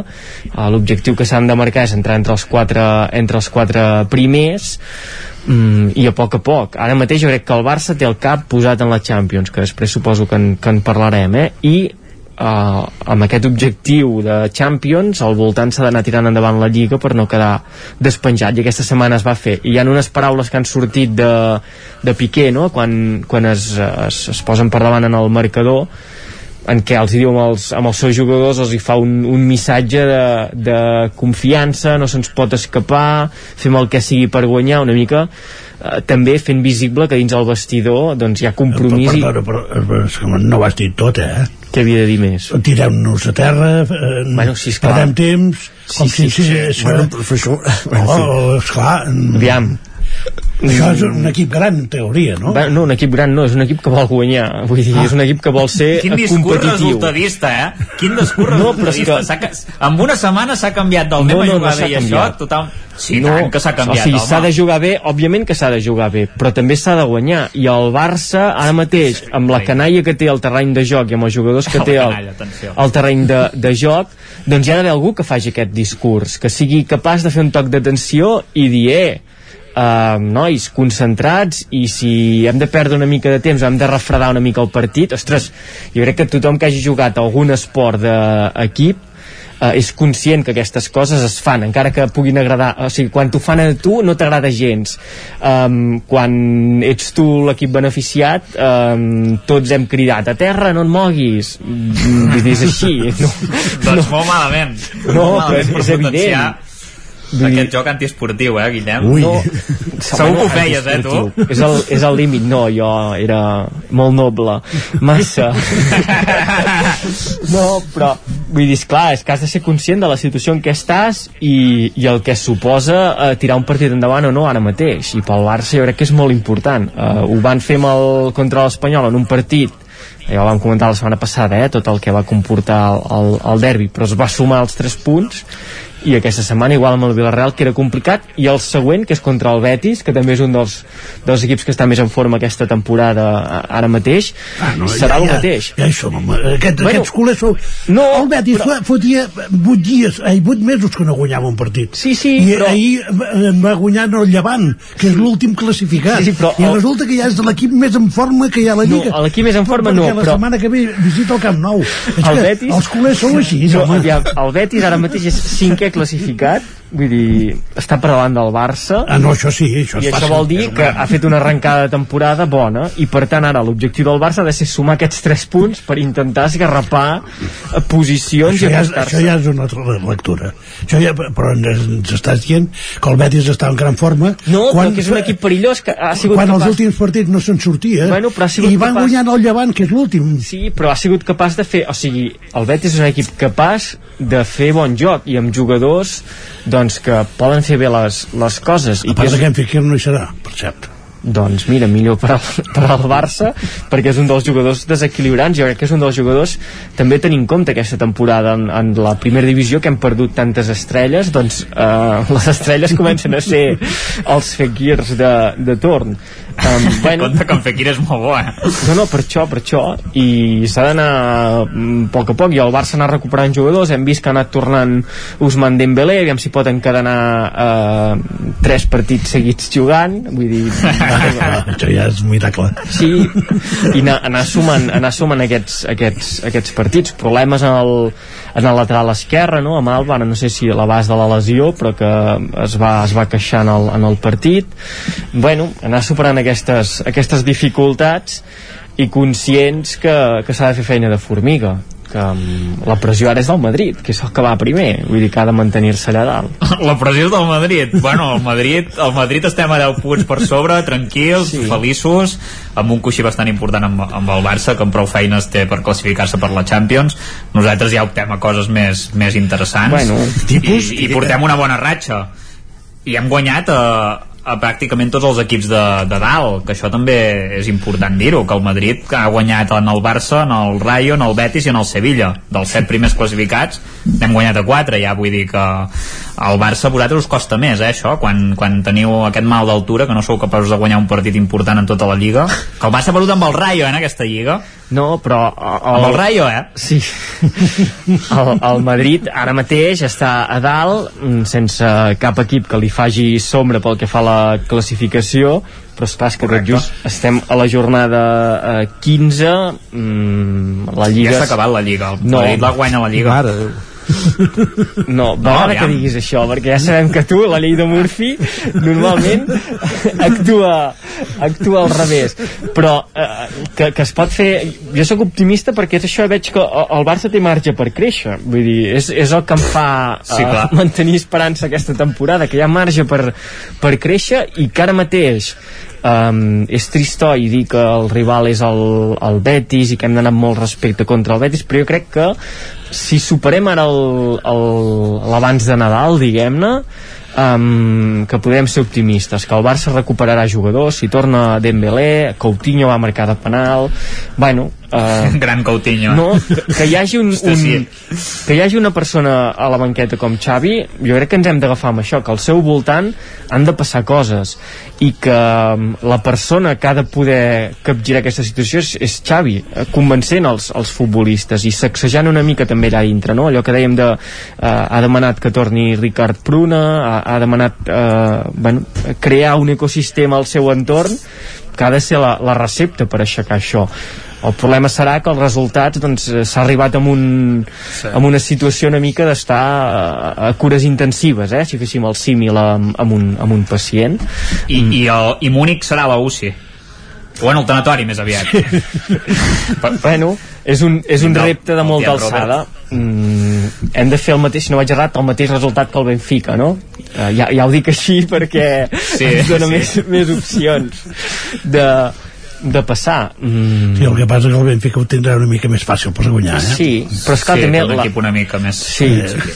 però esclar, l'anàlisi de l'anàlisi del partit de Champions mm, el Barça no va fer un mal partit va tenir molta estona tancat el Benfica al seu camp i en aquell partit sí que el problema va ser que no hi va haver gol que va faltar el gol però és que el Benfica molt fluixet, eh? Bueno, molt, molt fluixet. No, no, més que fluixet. O sigui, si sí, un, si no arriba a ser pel... fluixet. Si, si, si no arriba a ser pel penal que mm. es va inventar l'àrbitre en el derbi, en la segona part no, eh, nosaltres us, us hauríem donat un, un bany de futbol sense... O sigui, si haguessi fet el mateix sí. que vau fer contra el Benfica, doncs clar, el Benfica no té res. Bueno, I, no i a més, el, el temps de descompte, aquell noi eh, va fer un, un dimatà, també. Sí, sí, era la sentència. Sí, sí. Bueno, està, amb el, amb el Barça... El Benfica guanya els partits perquè els seus rivals no tenen jugadors aquest cap de setmana. Quin esperpent. Un equip s'ha presentat no. amb nou jugadors contra el Benfica. Si no, ja veieu però... quina, quina merda de lliga que és, això. No, però tots sabem que els equips també a la Champions eh, canvien. Canvien d'actitud, canvien eh, moltes vegades fins i tot de forma de jugar i el Benfica eh, ara el desprestigeu d'aquesta manera però eh, jo crec que els últims anys ha sigut un, un clàssic de la Champions eh, arribant a, a vuitens en diverses ocasions, si no vaig a, a seguir passant a vuitens en diverses ocasions, bueno, és un pas, vull dir, hi ha molts equips que no aconsegueixen això, eh? El Barça, el Barça, bueno, el Barça que li passarà. Exacte, vull dir, la dificultat, i, i d'altres, vull dir, l'Atlético de Madrid eh, també està eh, penjant, penjant d'un fil per tant no és, no és fàcil aquesta, aquesta Champions i el nivell del futbol europeu. I el Barça ara està en aquesta lliga o sigui, jo crec que quan vam arrencar tots érem molt conscients que el Bayern de Múnich eh, era un equip que et quedava molt lluny eh, per, per nivell competitiu, per bloc construït, per dinàmiques per mm, tot i més i que la cosa estaria molt ben fica. Has tingut l'oportunitat de, de competir-ho fins i tot de, de lligar ja al passi no es va fer i jo crec que la, la frase que ell acaba dient Xavi que si haguessin marcat uh, un gol i haguessin guanyat el partit hagués sigut un partidàs lo del Barça doncs jo hi podria estar d'acord perquè uh, em quedo amb aquesta sensació eh, que el Barça va dominar, que va tenir uh, un gat panxa en l'aire a davant com era el Benfica, que en una última esgarrapada el Benfica et podia haver buidat un ull, podríem, podríem dir et podia haver deixat ja fora d'aquesta competició i que ara s'haurà de jugar tota l'última jornada mm, no sé, el Bayern veurem amb qui juga, qui posa mm, i el Barça també l'actitud la, la, que, que hi té, jo crec que serà bona i que cal ser optimista. O sigui que confies al Bayern posar els suplents, no? Bueno, mm, és, és l'esperança del Barça. Si, si analitzes, bueno, si, si analitzes el que han anat fent els equips en, en últimes jornades de Champions, que ja ho tenen tot fet, normalment sol passar, vull dir, no és el, perquè ara... El problema és que els suplents també us poden guanyar, saps? Bueno, sí, clar, depèn qui hi posin, a vegades és allò que diem, eh? si posen els suplents no sé si estan més motivats o, o no que, que l'equip que l'equip titular. Jo crec que ha de ser el Barça, que ha d'agafar eh, el toro per les banyes, ha de ser conscient del que s'hi juga, de, també a nivell eh, econòmic, no? em sembla que són 10 milions d'euros per, per passar a vuitens i és caixa o faixa i en Xavi a, a la roda de premsa prèvia amb el partit del Villarreal eh, ja se li va escapar algun comentari eh, com si tingués el cap més posat en el partit del Bayern que en el del Villarreal conscient que pf, eh, ensopegades a la Lliga mm, sí que et poden fer mal amb l'objectiu d'anar per al títol però que hi ha molt marge de, de recuperació. A la Champions eh, es pot acabar en qüestió d'una setmana l'aventura la, i haver d'anar cap a l'Europa League mm, no sé, jo crec que és un escenari dolent perquè el Barça ha estat molts anys lluitant per al títol de la, de la Champions però que amb la situació en què ens trobàvem aquest any mm, podia ser factible. L'altre tema és el que diem sempre, les conseqüències que això pugui generar també en la caixa del club i a nivell de drets televisius i, i tot plegat. Mm, bueno, veurem. Esperem que arribem a, a dimecres i, i, i cal, ser, cal ser optimista tot plegat Bé, jo també voldria dir que nosaltres i quan dic nosaltres vull dir el temple de, de Cornellà Prat ens hem encarregat al Madrid ens hem encarregat la Real Societat no vam puntuar el camp del Barça pels motius arbitrals que ja sabem i esperem que el mes de febrer mm, visiti el Camp Nou ai, el visiti, el del Camp Nou visiti Cornellà i passin per la pedra com, com han passat tots els altres ja estarà refet el Barça llavors. Sí, i tant, i tant. Sí, de, de, la, de, de, la, de la trompada de la, de la Champions no? Eh, i anirà llavors estarem classificats per la Copa del Rei. Eh, exacte, exacte.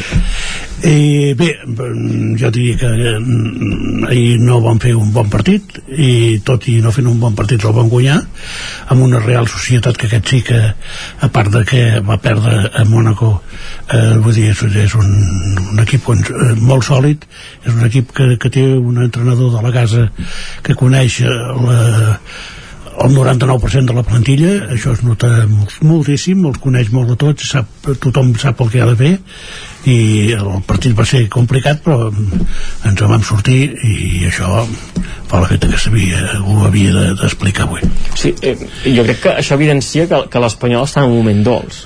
Vull dir, més enllà del que passés al Camp Nou i tot plegat. a casa sí, sobretot a casa sí Perquè, és que el partit d'ahir, mm, de 10 partits que juguis, segurament 9 els perds. Sí, però el Real tampoc tenir gaires, eh?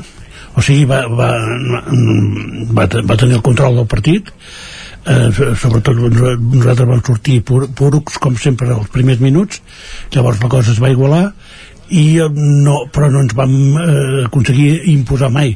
El que passa és que ja dic que mm, defensivament vam estar molt bé tenim un parell de, de centrals que fa eh, dies que ja estan absolutament consolidats i que eh, van molt bé. I per tant des d'aquest punt de vista eh, diguem podem tenir una tranquil·litat perquè l'equip eh, contrari sigui qui sigui eh, pot en, en diguem ha molt poques ocasions i al final quan hi arriben tenim el porter més en forma de, de la Lliga Espanyola en aquells moments i llavors vull dir que eh, des d'aquest punt de vista estem molt bé. El que passa ja amb la creació i no vam estar afortunats en, l'Imanol eh, va saber desconnectar en Darder i nosaltres sense en Darder doncs no, sem, no som l'equip que, que volem ser i llavors això ens va, ens va costar l'RDT i tampoc va tenir massa el seu dia i tot i no tenint-lo va, va fer un gol. No, millor dit, va fer una rematada que llavors em va recordar una mica la de Vinícius el que va, la diferència la Vinícius va entrar i eh, la seva no. Eh, una diferència important en el futbol ja ho entenc però bé, un bon espectacle. Clar, això, eh, anem fent broma amb en, amb en Dani Alves, que el Barça ha fitxat un avi, no sé què i no sé quantos, però eh, a l'Espanyol eh, el porter més en forma de la Lliga, que és així, eh, vull dir, està en una forma excel·lent, eh, també d'edat, no sé quina edat té, però deu estar a la... no va fer els 40 aquest mes passat no aquest mes de, de, novembre. Vull dir, jo crec que evidencia que l'edat moltes vegades no fa el no, fet, però, no? però no? és el mateix un porter Bueno, no és o el un lateral mateix. Dret no, no compares Sí, esclar, però un porter, la- l'agilitat que ha de tenir, la capacitat de, de concentració... és el, és el Zamora en aquests moments Sí, sí, però per això vull dir que, que l'edat no fa el fet i que Dani Alves, eh, si es posa en forma i ha anat mantenir una mica la forma i agafa el ritme de competició, que també et pot complir. Però no comparis perquè... En, bueno, no comparis. No, home, en, en Diego ha, estat en, eh, a Sí. futbol de primera línia des, de, des dels 20 anys. Sí, sí. Eh? Va jugar amb, amb, amb grans equips, el, el Madrid entre ells. Però en una posició molt complicada. Sí, sí, però és que a més està, eh, a, a part de que diuen els, els tècnics, perquè nosaltres l'hem vist poc, que tenim eh, el, el porter més futur de la Lliga Espanyola en molt de temps, que és en Joan Garcia. En, en, Ah, anava a dir, hòstia. Sí, sí, un, Aquest és el de la veu de Sant Joan? En Joan Garcia? També, jo crec que es diuen igual, però... No, no. Ho hauràs de demanar, no sé, el, si el tens... tant, Per fer la broma, eh? tant, tant l'Encona com altres eh, la- o sigui, l'opinió de l'Encona és prou, important i com altres tècnics diuen que, que és un, un porter extraordinari i que en aquests moments no juga per què? precisament perquè en Diego està eh, en un moment de forma també sensacional però vull dir que des d'aquest punt de vista i ara ho veurem dimecres em penso que és a la Copa del Rei en principi ha de jugar ell ja, ja de, han, ha desplaçat sembla a Lucia de, de, de segon porter i llavors vull dir que des d'aquest punt de vista el dia que plega en Diego eh, eh, tenim l'altra punta. O sigui un nano molt jove i amb un gran futur i esperem que aquest no ens el prenguin els Ara el que anava a dir és, esperem que no us el, us el ganeu. No, però aquí, aquí jo crec que, per exemple, l'Espanyol té aquesta figura i el Barça també passa una situació una mica similar perquè tothom parla meravelles no? de- d'Arnau Tenes, jugador eh, biguetà, el porter biguetà, que eh, està totalment integrat no? en, en la dinàmica del primer equip, va jugant també amb el, amb el filial a, a primera eh, FEF, però que al davant també hi té una peça com Ter Stegen que mm, ara mateix eh, Té- ho tindrà més difícil l'Arnau, eh? Que... Sí.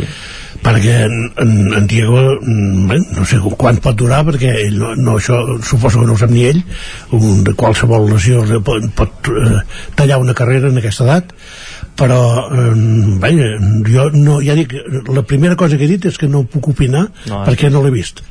Eh? i espero doncs que hi hagi molta Copa del Rei perquè la, la puguem anar veient i comprovem que efectivament els tècnics tenen eh, tota la raó.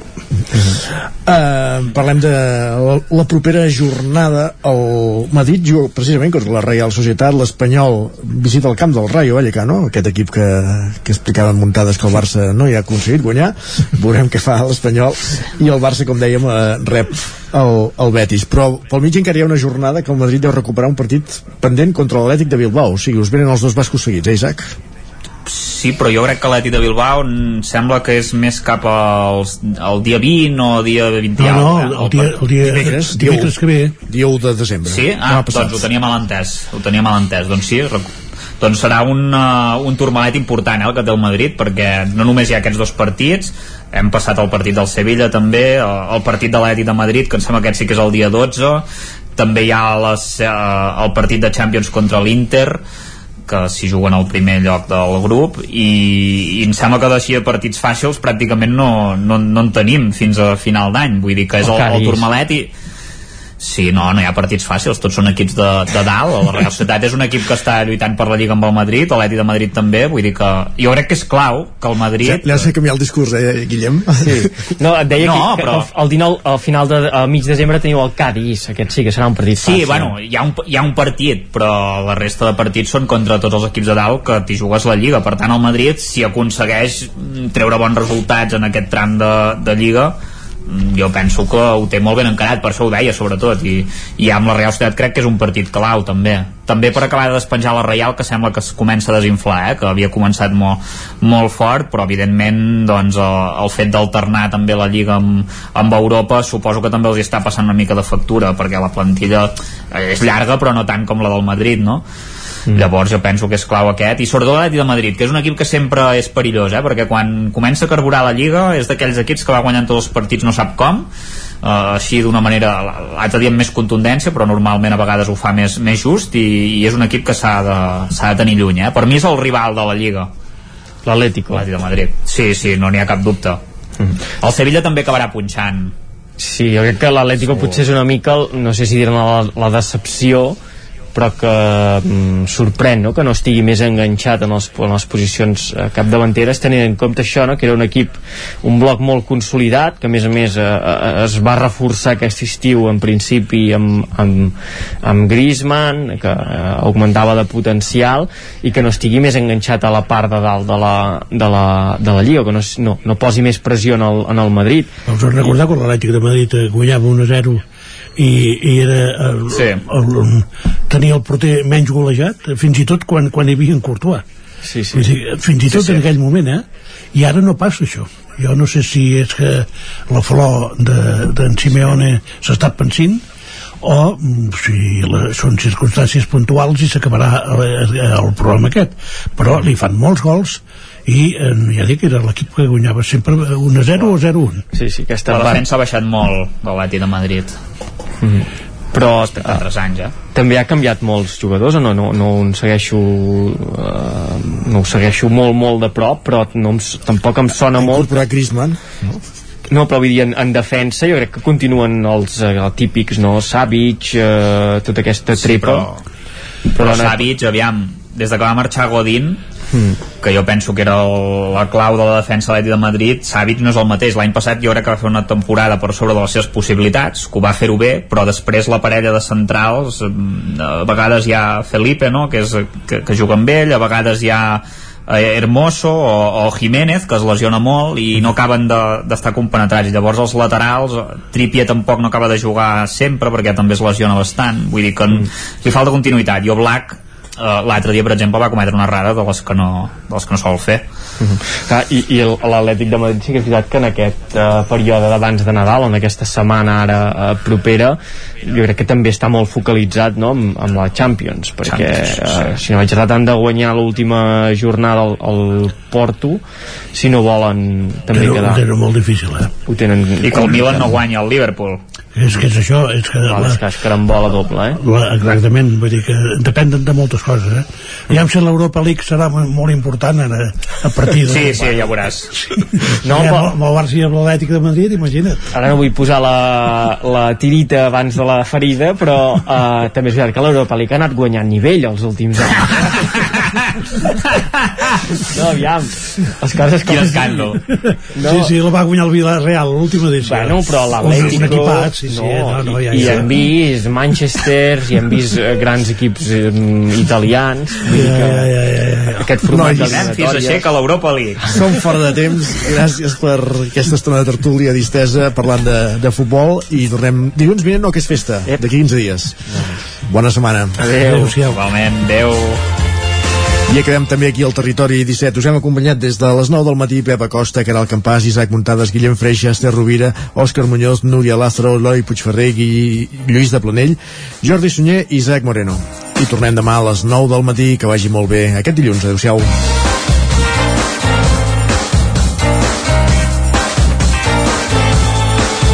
Territori 17 un magazín del nou FM. La veu de Sant Joan, Ona Codinenca i Ràdio Cardedeu amb el suport de la xarxa. El nou FM